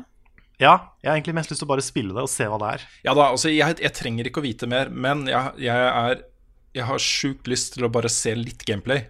for å lage noen egne bilder i hodet av hva dette spillet er. Fordi nå vet vi ingenting, liksom. Vi bare har sett den der veldig filmatiske sekvensen med disse skapningene i lufta og uh, Babyer. babyer og så videre. Thumbs up. Thumbs up. jeg har lyst til å se litt gameplay. Uh, og jeg håper liksom de har valgt en sekvens som også er dritrar. At ikke det er noe, bare noe basic gameplay, men noe som er rart. Noe som ikke gir alle svar og, og sånt, men som bare viser noe. Uh, og på førsteplass har jeg også Shadows Die Twice, FromSoft. Det er uh, uten tvil det jeg blir mest gira av, hvis de viser fram den. Oh yes. En, bare sånn for å ha nevnt det, uh, så syns jeg alltid jeg setter sånn opp en sånn liste er litt vanskelig, fordi at mange av disse spillene som er vist, eller som er tisa litt om, er jo store trippel A-spill.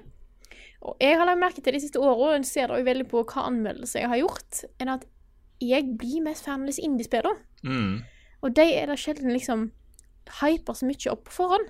Mm. Eh, Så egentlig så vil jeg ha et eget punkt. Det er bare sånne generelt indiespill som dukker Ja, ja. opp på E3 helt plutselig. Eh, Egentlig. Mm. Mm.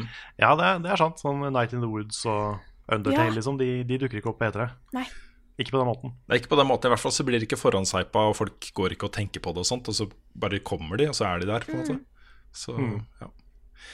Ja. Jeg tror det blir litt spennende etter det. Eh, Det er jo et par andre sånne tegn i tiden som eh, gjør årets etere, eller kanskje mest neste års etere, ekstra spennende. Det er jo Sony har jo allerede begynt å hinte om at eh, den de nærmer seg slutten på PlayStation 4-generasjonen. Absolutt. Eh, og på et eller annet punkt så kommer de til å annonse PlayStation 5. Eh, kan bli i år, men jeg tror ikke det. Neste år, tenker jeg. Nei, vet du hva, jeg tviler på det i år. Ja, jeg, jeg tror ikke det. vært veldig rart. Tipper vel kanskje de kommer til å ha en egen eh, konferanse for det. Ja, det kan Ja. godt tenkes, sånn som de hadde med, med PS4 Pro og sånt. Ja, og PS4, vel? Jeg hadde det på Ja, kanskje det. Jeg mener jeg hadde en egen, en egen sånn announcement. Ja, det husker jeg ikke. Både de og Xbox. Jeg husker bare at vi fikk copyright strike på YouTube da vi fortalte om, eh, om det for tidlig. Ja, på Slimmen, ja. Ja, Slimmen. ja. Mm. Det snakker snakket vi ikke om. det. Nei. Nei, det, den, den, den, den konsollen som skal not be named. Ja. Nei, men bare for å uh, bygge litt, enda litt mer hype, da. Det, også våre sendinger kommer til å bli veldig koselige. Vi kommer til å vise pressekonferansene. Veldig lav lyd på oss mens pressekonferansene går, men før og etter så skal vi prate masse. Eh, kaste penner. Det kommer en egen video nå snart, Karn, som du skal lage. Det gjør det. Mm, en Det gjør forklaring av penne, penneleken og Ja. Jeg skal begynne å filme så fort jeg får recondition. Bra. uh, og vi er, vi er supergira. Det er, det er årets høydepunkt for oss som er veldig spillinteresserte. Uh, og hele, det, det er en fest. Det er en fest, en spillfest for alle.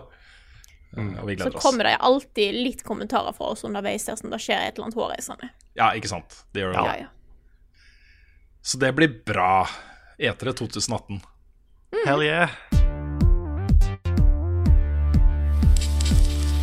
Vi har jo allerede hatt eh, noen små topp fem-lister, men vi skal faktisk ha noen flere topp fem-lister i denne podkasten. Det er nemlig tid for ukens spørsmål.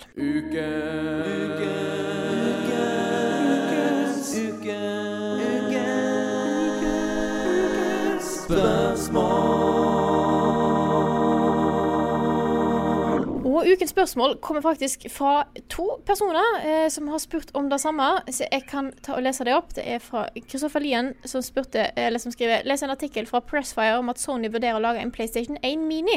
Så mitt spørsmål er hva PlayStation 1-spill kunne dere tenkt dere til denne?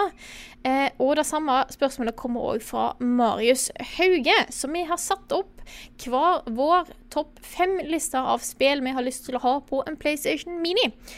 Eh, og det litt interessante her er jo da at jeg har jo aldri hatt den konsollen. Jeg har jo jeg kun spilt et par spill her og det hvis jeg har vært på besøk hos noen, og har egentlig ikke et forhold til PlayStation 1. Så jeg tenker først bare ta et par spill som jeg vil se, fordi at jeg har lyst til å se dem. Så gir jeg topp fem-listeansvaret til dere, som kan fortelle meg hva jeg eventuelt skal spille på, på denne konsollen dersom den eventuelt kommer ut. Ok. Det er helt i orden. Ja, så da vil jeg si hva jeg har lyst til å se på PlayStation 1 Mini. Rayman 1. Rayman 2. Da var jeg ferdig. Eh, vær så god. Ja, skal jeg, enkelt. skal jeg Vær så god. Begynn. Ok. Yes. Ja, for jeg har også Rayman 1 Ja. på lista. eh, men jeg har jo fire til. Jeg, jeg kan til og med kan jeg, Får jeg lov å ta en honorable mention? Ja, det går fint. Jeg har ganske mange honorable Eller ja. Ja, ok. Så Rune skal skal nevne flere jukse enn med meg, det er greit. Da, men Ja. da tar jeg min honorable mention på slutten. Fordi Høres bra ut. Ok. Jeg tar de, de åpenbare først. Det er jo Final Fantasy. Uh, egentlig både 7, 8 og 9, men for meg så er jo 9 det store. Så jeg ville hatt det. Um, Tony Hawk 2 må med. Det er veldig viktig. Uh, så har jeg da det første Rayman. Krono Cross, som aldri kom ut i Europa engang. Det vil jeg se. På en sånn konsoll. Og Xenogears. Så mye, mye JRPGs Mm. for meg. Uh, men det var liksom For meg så var PlayStation 1 en veldig sånn JRPG-konsoll. Da var de på toppen av verden, liksom. Så um, honorable mention er Kudelka. Som er et litt mindre kjent spill. Men eh, forgjengeren til Shadow Heart-serien. Oh, ja. Som, eh, som heller ikke var sånn kjempestor, men stor nok til at liksom, folk har hørt om den. Mm. Så, eh, men Kodelka var et litt Det var et sånn kult, annerledes, gotisk horror, nesten, type spill. Mm. Som, eh, som flere burde sjekke ut. Mm. Kult. Grunnen til at jeg har litt flere enn én honorable mentions Dette er egentlig ikke honorable mentions. Det er mer, Jeg satte meg eh, først litt ned som hva skal man si, journalist og tenkte hva bør en sånn eh, konsoll inneholde? da Så først så tenkte jeg liksom dette er det som definerte PlayStation 1, og disse må selvfølgelig være med. Um, eh, så min liste er mer personlig. Ting jeg personlig har lyst til å se på den. ikke sant? Mm. men på den eh, 'dette må være med'-lista så har de jo sånne ting som Gran Turismo, Wipeout, Tekken 3, Crash Bandicoot, Ape Escape, Silent Hill, Spyro. Resident Evil-spillene, Spyro selvfølgelig, Oddworld-spillene, uh, Parappa the Rapper, Siphon Filter og um, eh, kanskje mer sånn personlige ting som jeg har lyst til å spille, fordi jeg ikke fikk spilt det på PlayStation 1. Og det er så mange av de jeg kjenner og liker som har det som et av sine favoritt-PlayStation 1-spill. Vibribben, som er et veldig rart sånn musikk-rytmespill. Um, litt sånn uh, ja, stilig, stilig spill. Men på min personlige liste, de tingene som hadde det kommet med disse spillene, så hadde jeg vært bare superhappy. Uh, har jeg på femteplass Die Hard Trilogy, som jeg har veldig varme minner om, men som jeg ikke har spilt igjen siden jeg spilte det back in the day. eh, men som jeg har veldig lyst til å se der. Og jeg tror det er en sånn type spill som kunne gjort seg godt på en sånn konsoll, fordi det er top down. eh, ikke noe sånn superkomplisert ting, liksom. Um, ja, jeg tror det hadde funka, rett og slett. Tenshu Jeg, jeg så litt på lista mi også. Tenshu 1 og 2 har jeg skrevet. Eh, Ninja Assassin eh, snikespill. Neste, neste, uh, gang jeg blir, neste gang jeg blir bedt om å lage en topp fem-liste, skal jeg lage en topp 20. Ja, ja da. Ikke sant? På tredjeplass Legacy of Kane Soul Reaver. Det er et kongespill, det. Også et spill som jeg ikke har spilt igjen siden jeg spilte det den gang. Det er så bra, det. Uh, og det er sånn spill som jeg glatt hadde lagd en klassiker av hvis jeg hadde den lett tilgjengelig. Um, også på andreplass Tomb Raider 1 og 2. Ja. Hvor mange Ja. spill er det på den lista di? Nei, det er bare ett spill på topp, Ja, OK, greit. og det er selvfølgelig Metal Gear Solid. Ja. Ja, det må Det er altså Ja. Det er jo eh, For eksempel av grunnen til at jeg ikke har med Resident Evil, er at der har det jo kommet et remake av Resident Evil 1. Eh, Det går rykter om et remake av Resident Evil 2. Eh, Og selv om treeren også var bra, så er det liksom Ja, greit. Så de fleste av disse spillene Det har kommet remake av Tomb Raider 1 også. Eh, Men uh, de fleste av disse spillene har liksom ikke kommet ut på nytt, da. Så Og apropos, jeg har en honorable mention til. OK. ja. Um, det er jo et Sony-spill, til og med. Legend of Dragoon. Ja, det stemmer, det. Det, det var jo uh, Jeg tror det var laga av Sony. Ja, Det husker jeg ikke. Nei, men det, det var veldig bra. Og så hadde det en veldig morsom, dårlig oversettelse. Så når de, når de datt, så sa de 'wow' og sånn. det var kjempemorsomt. Men, men spillet er veldig bra. Skal vi se her nå. Det er uh, utviklet av Sony. Ja, det, Da kommer jo det med. Ja. Det er nesten garantert. Mm. Jeg, har, jeg har satt meg ned med et, uh, et uh, annet PlayStation 1-spill eh, nå. Eller hvis jeg akkurat kjøpt det, for det kom på PlayStation 4 nå. Eh, The Mark of Cree, som var en sånn stor personlig favoritt på PlayStation 1. Som også er bare utrolig nysgjerrig på nå. Har det holdt seg, eller er det uh, passé? Så da kommer det kanskje nå etter hvert. Jeg vet et spill jeg har spilt på PlayStation 1 som, jeg, som hadde vært interessant å ha på en sånn konsoll, bare for å prøve det igjen. Se om jeg husker noe fra det. Men jeg vet det var ikke så kjempebra, vil jeg tippe. Det er første Harry Potter-spillet. Da spilte jeg på PlayStation 1. Jeg spilte også på PC. Det er ikke, kan huske så bra. Nei. Jeg kan var, jeg kan huske at jeg som kid syntes det var bra eh, på PC. Jeg kan huske at det var veldig rart på PlayStation. Eh, jeg vil tippe at Det det ikke holdt seg i det hele tatt. Ja, men det som var litt funny der Jeg, jeg spilte jo alle Harry Potter-spillene på alle plattformer i flere år, fordi jeg jobbet i VG og skulle dekke spill. Ja. uh, og det var en sånn viktig serie, og de solgte jo som hakka møkk, de spillene. Eh, men det som var positivt med det, var at det var ikke Altså det fantes alternativer som ikke var Harry Potter, som var bedre spill. Men de var bra. altså De var ikke dårlige spill. Det var ikke bare noe ræva eh, slengt sammen i siste, siste sekund. Men det som var litt interessant, var at eh, både på PlayStation 1 og så etter hvert på PlayStation 2 så var det de største plattformene for Harry Potter. Så det var gjerne de spillene som det ble lagt ned mest arbeid i. Eh, Ofte var det forskjellige teams som lagde PC-versjonen og som lagde versjoner til andre ting, men det liksom det beste teamet satt og lagde ting til den største plattformen. ikke sant? Så det er, de var ikke så verst, altså. De var ikke det. Nei, men jeg, kan, jeg, jeg vil tippe at det ikke står igjen som klassikere. Jeg vet, Nei, det, er det gjør det mange, ikke. Det det er sikkert ikke. nok mange som hører på som sånn, hadde, hadde et varmt uh, minne om disse her. Og det, jeg tipper meg at det, det er mye nostalgi rundt det her, men jeg tror ikke det er veldig, veldig gode spill. Nei. Har samme, samme tanken om Ringenes herre-spilla. De også var kule da de kom, men de var vel mest kule fordi det kunne være Aragorn og Gimli og Legolas. Ja, jeg vil tippe det. Og så var det scener fra filmen i spillet. Og det også Ja. var sånn Wow! The future! Men med da så hopper vi videre til eh, litt andre spørsmål. Eh, blant annet et her fra Hild N. Holmquist, som spør I disse varme maidager så tenker jeg at det store spørsmålet eh, må være Har dere bada i sjøen ennå? Og hvor varmt må vannet være før dere kan hoppe uti? Jeg har bada. Har du bada? Jeg har bada. I, uh, på søndag så lå jeg vaka ute på Fornebu. og nekta nesten å gå opp på vannet. Det blir litt sånn, altså, det var så deilig. Det var så deilig å komme ut av den der drepende varmen og bare legge seg i eh, behagelig temperatur. Det er jo ikke behagelig først, men det ble det med en gang. Umiddelbart.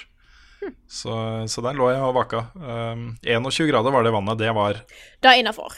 det er innafor. Og er det over 20, så kan jeg bade. Er det under, så må det være Da må det spesielle omstendigheter eh, til også. Ja, for der er jeg òg. Jeg må ha minst 20 grader, og det er ikke alltid det blir det i Vestlandsfjorden. Uh, men jeg, jeg, jeg må ha en viss temperatur, og da har det ikke kommet eh, Det har ikke kommet i nærheten av det i Trondheim ennå. Så jeg har ikke bada. Nei, jeg har ikke bada i sjøen på mange år. Um, og det er, det er litt fordi da jeg var sånn 14, så, så fikk jeg en sånn rar allergisk reaksjon av å bade i sjøen. Ja. Jeg vet aldri hva det var, men jeg vokste det jo fra meg, så jeg får ikke det nå lenger. Men, eh, men jeg hadde det da. Og det var sånn så fort jeg liksom gikk og duppa og kom opp igjen, så så det ut som jeg hadde liksom blitt brent av brennmanet på hele kroppen. Så det så jo ikke bra ut. Eh, så det, det, det var litt sånn turnoff for bading. Eh, og det var liksom spesifikt i saltvann. Så vet ikke hva det var for noe. Spesielt. Spesielt. Men det var bare da jeg var sånn 14-15. Men det var liksom nok. Da ble jeg litt, litt lei av bading. Så um, jeg, jeg liker å bade, men ikke så godt i sjøen. Liker, ikke, jeg liker bedre å bade i sjøen enn i ferskvann.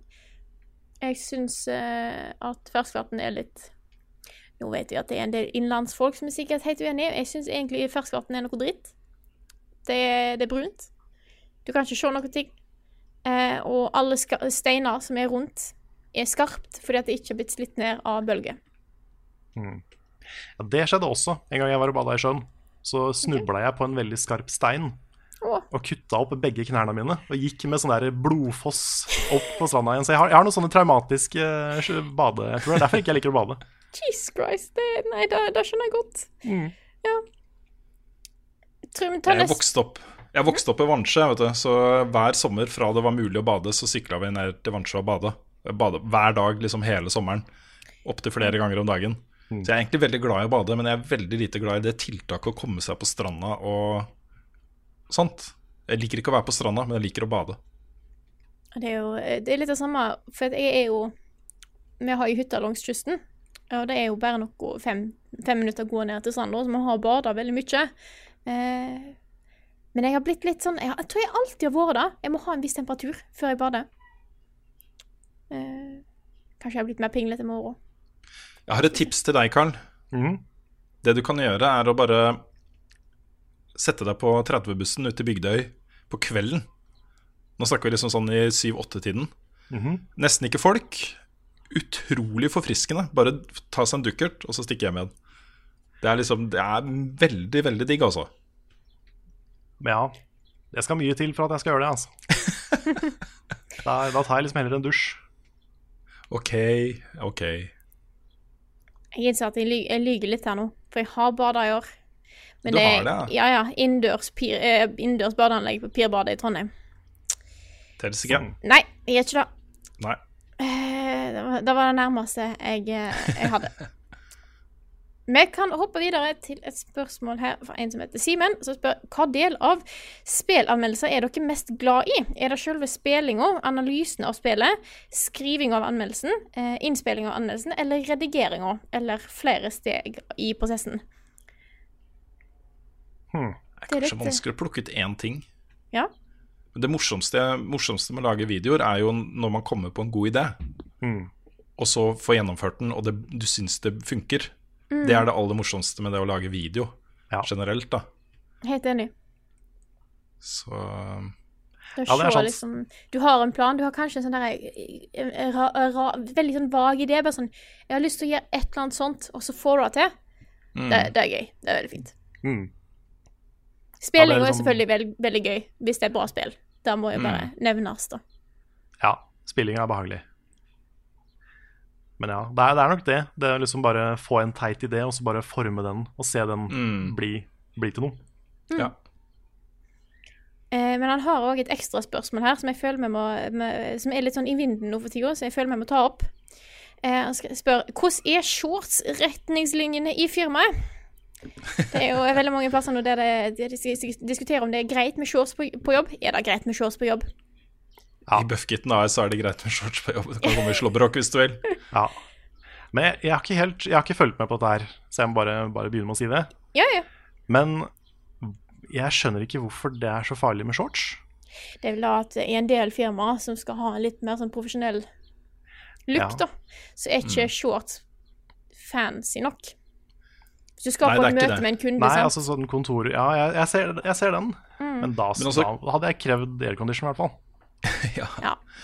Nei, men kleskode i Norge er jo faktisk mye mildere enn den er eh, de fleste andre eh, vestlige land i verden. Hvis du drar til England f.eks., på jobb i, i London, da må du gå med dress hvis du er mann, og eh, sånn, hva heter det, arbeidsdrakt ja. hvis du er dame. Du må det. Det, det. Du har ikke noe valg. Nesten uansett hva slags jobb det er, så går alle i dress, eller i hvert fall i en, en pen bukse og skjorte og slips.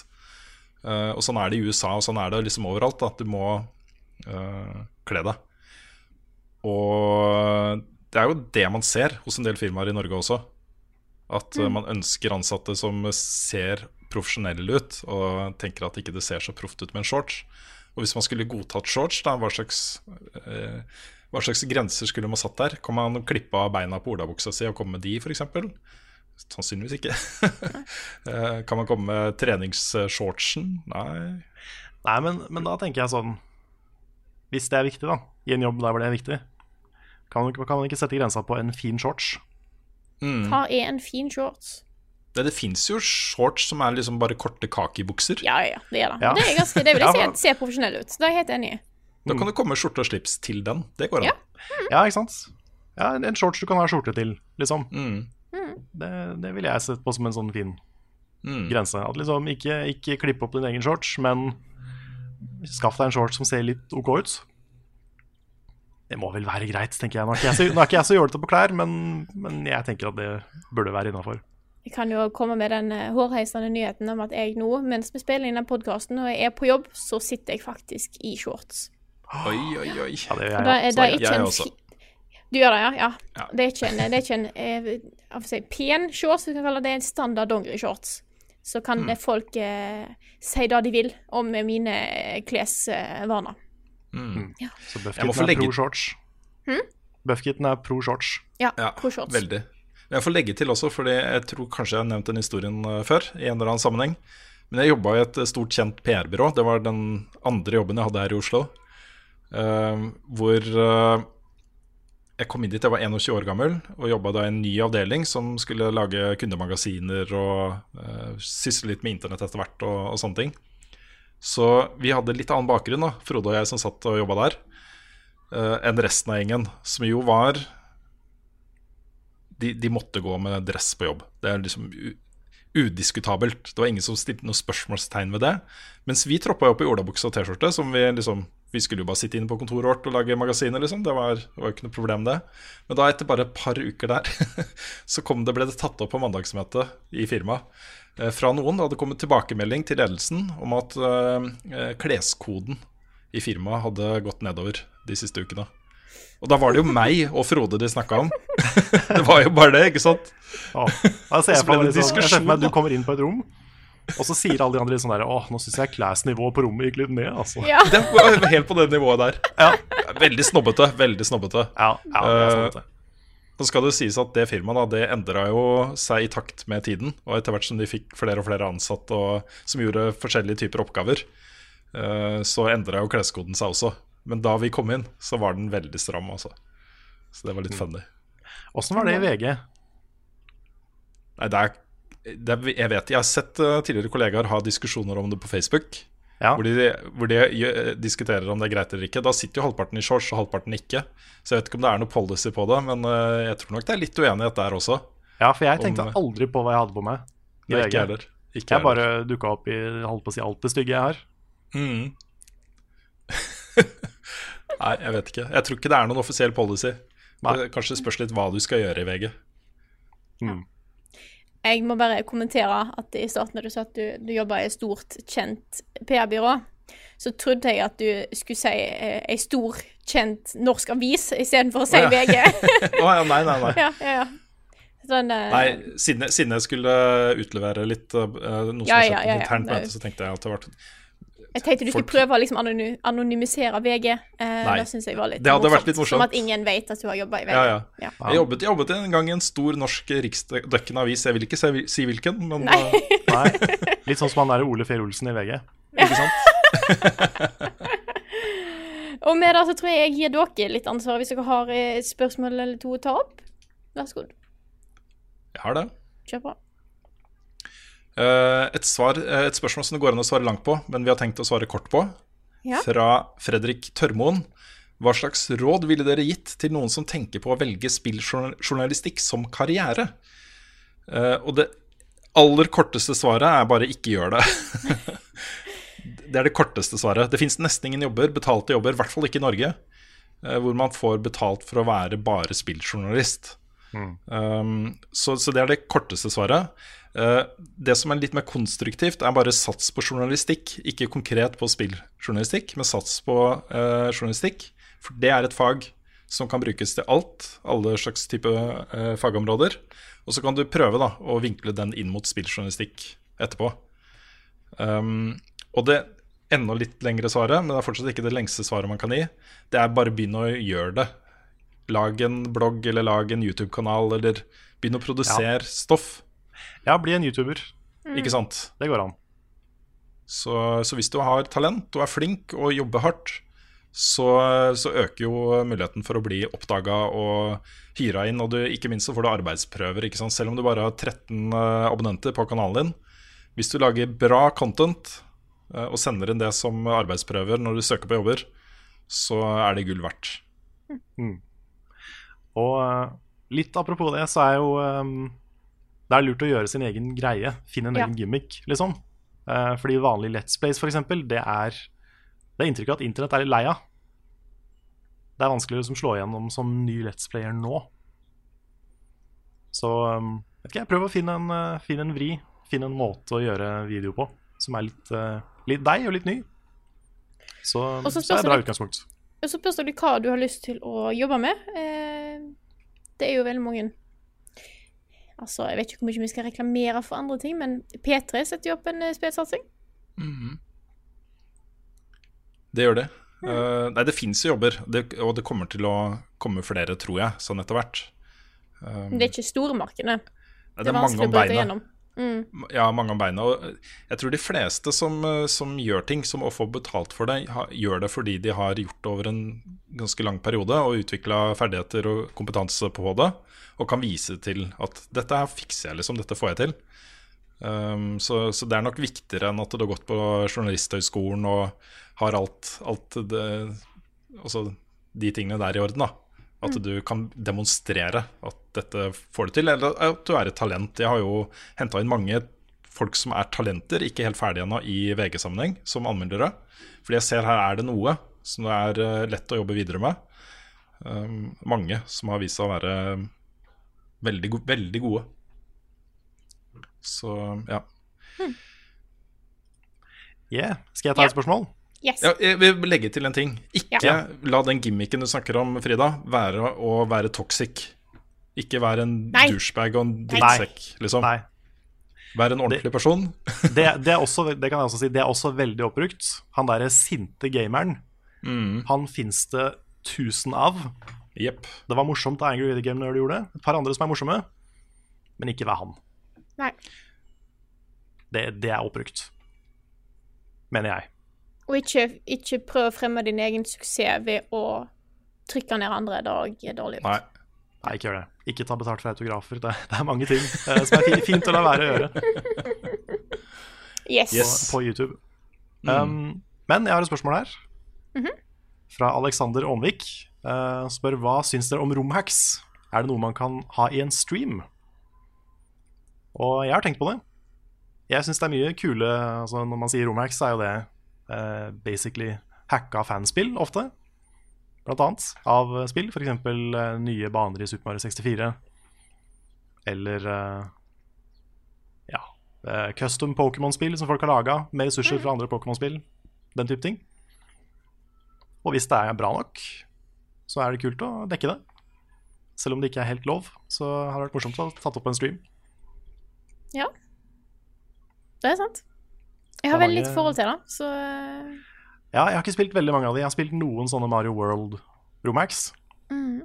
Um, sånn, ja, litt sånn fanspill her og der. Så det er, det er ting der som er bra. Mm. Det spørsmålet blir vel om vi rent etisk kan gjøre det. Men, Ja, det er da. Ja, Men det er jo eh, altså, det er forskjellige selskaper der som har forskjellige attitudes på det. Ja. Nintendo er vel litt strenge. Uh, Ja. Sega tror jeg ikke er så strenge. mm. Fall, Jeg syns dette eh, bare er kreativ bruk av eh, spill. Altså, det er eh, Ja, ja. Ja, ja. Jeg, det det fins en mod av Sonic 2 der ringene har blitt eh, løkringer. og hver gang du spiser en, så blir du tjukkere. Oh, ja. Og så dør du til slutt. Så du må prøve å ikke ta ringer. Nice. Så det er jo det er en morsom romhack. Mm. Den er bra, og det er fint. Sånn, Eh, sånt går det an å streame, Ja. kanskje. Mm.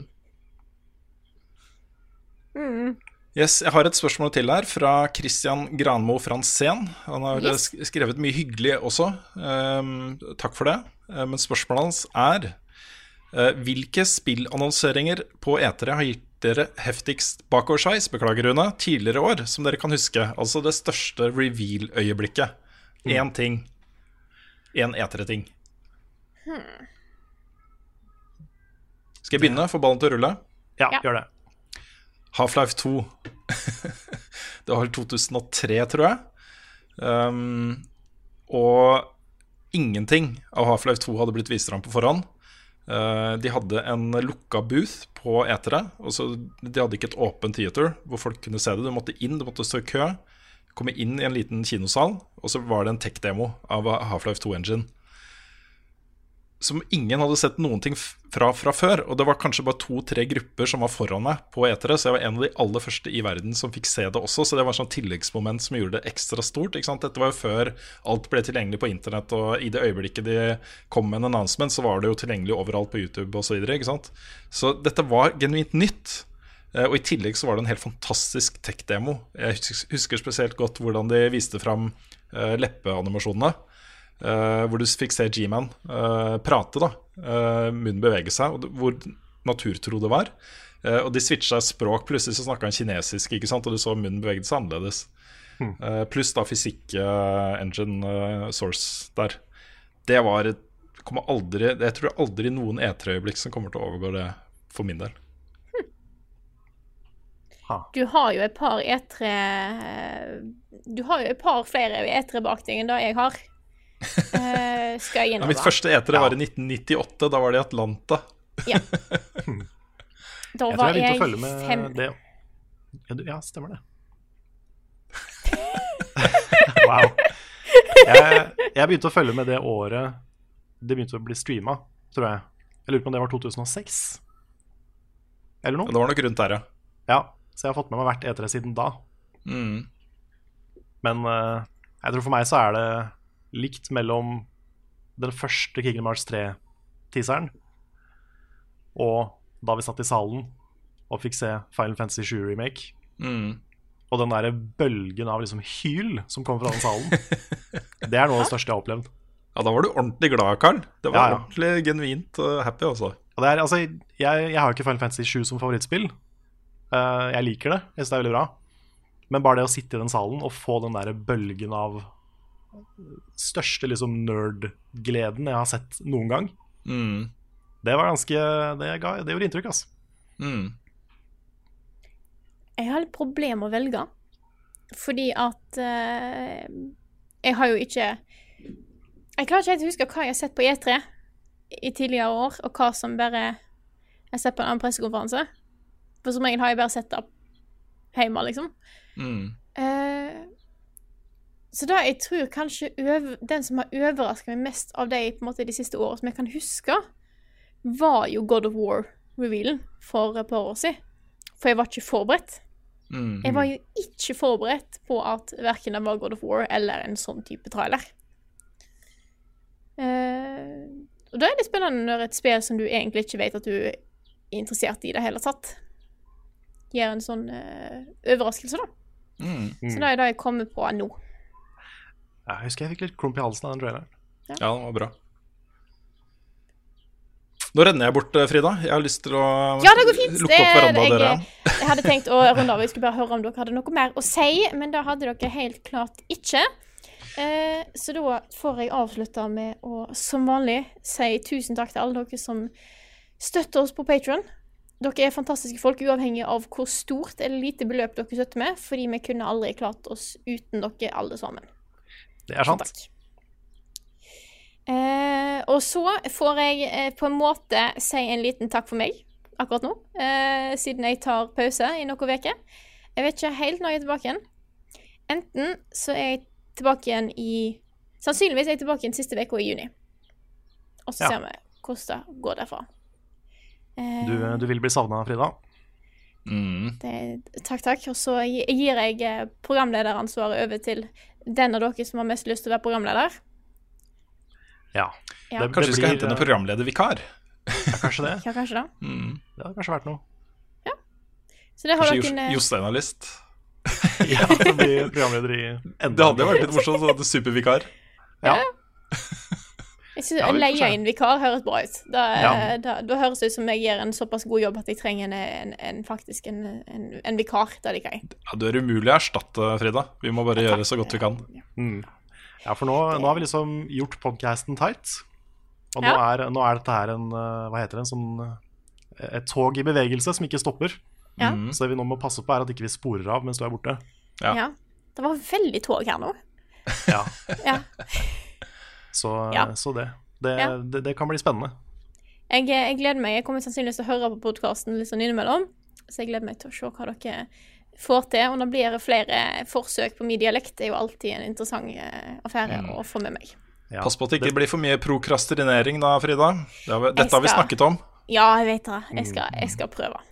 Eh, så da, når jeg er tilbake igjen i podkasten, så er jeg ferdig utdanna, folkens. Det er litt kult, så jeg vil bare eh, skryter litt av det, for det syns jeg er litt gøy. Da er du en Så- master. Du er en Pokémon master. Yes. Og jeg er en sivilingeniør, faktisk. Mm. Og nå det er er en kanskje enda eh, kulere.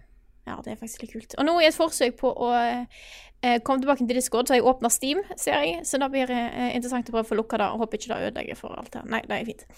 Og med det så sier jeg tusen takk for oss. Takk for at du hørte på denne episoden her av Level Backup, og så snakkes vi igjen. Nei, det gjør vi ikke. Eh, ja, shit. Sånn er det Noen av oss snakkes igjen neste uke. Noen, Ja. mm, to av tre av oss snakkes med dere neste uke. Yes. Nailed it. Ja. Du har ikke reist deg nå allerede, begynner å raile deraile. ja, ja, det Det lover veldig godt for, eh, for neste episode. Ja. Vi kommer bare til å snakke om at du er borte, vet du. Mm, hele podkasten. Hele podkasten. hvor, hvor er Frida? Hva, hva gjør vi Ja, da? ja. Hva har Frida gjort? Har Frida slutta? Ja. Ja. Hvor, jeg, jeg har ikke sett Frida på noen uker. Hva, hva skjer nå? Jeg vet ikke om jeg engang har avslutta podkasten på dette punktet. Jeg, jeg, jeg, jeg går podcasten Gjør det en gang til. Skal jeg, Gjør det en gang til. Skal jeg gjøre det en gang til? ha det bra, kan vi si i hvert fall. Uh, ja, hva er det jeg pleier er jeg pleier. Så da får jeg bare takke for Hva er det ikke Jeg kommer til å ha med alt dette, Frida. Ja, jeg Alt det! Ja. Kan vi stoppe der? Bare vær proff, da. Avslutt. Skal jeg være proff? Ja.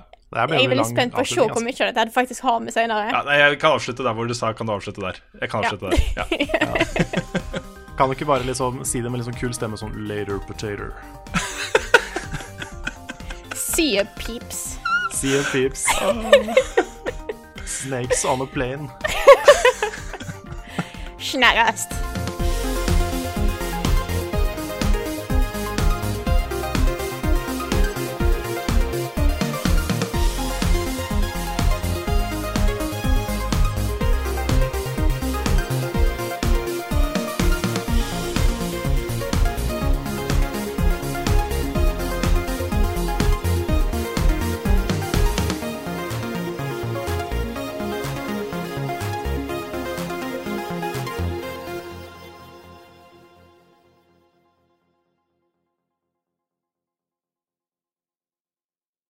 Har du et enkeltpersonforetak eller en liten bedrift? Da er du sikkert lei av å høre meg snakke om hvor enkelt det er med kvitteringer og bilag i fiken, så vi eh, gir oss her, vi.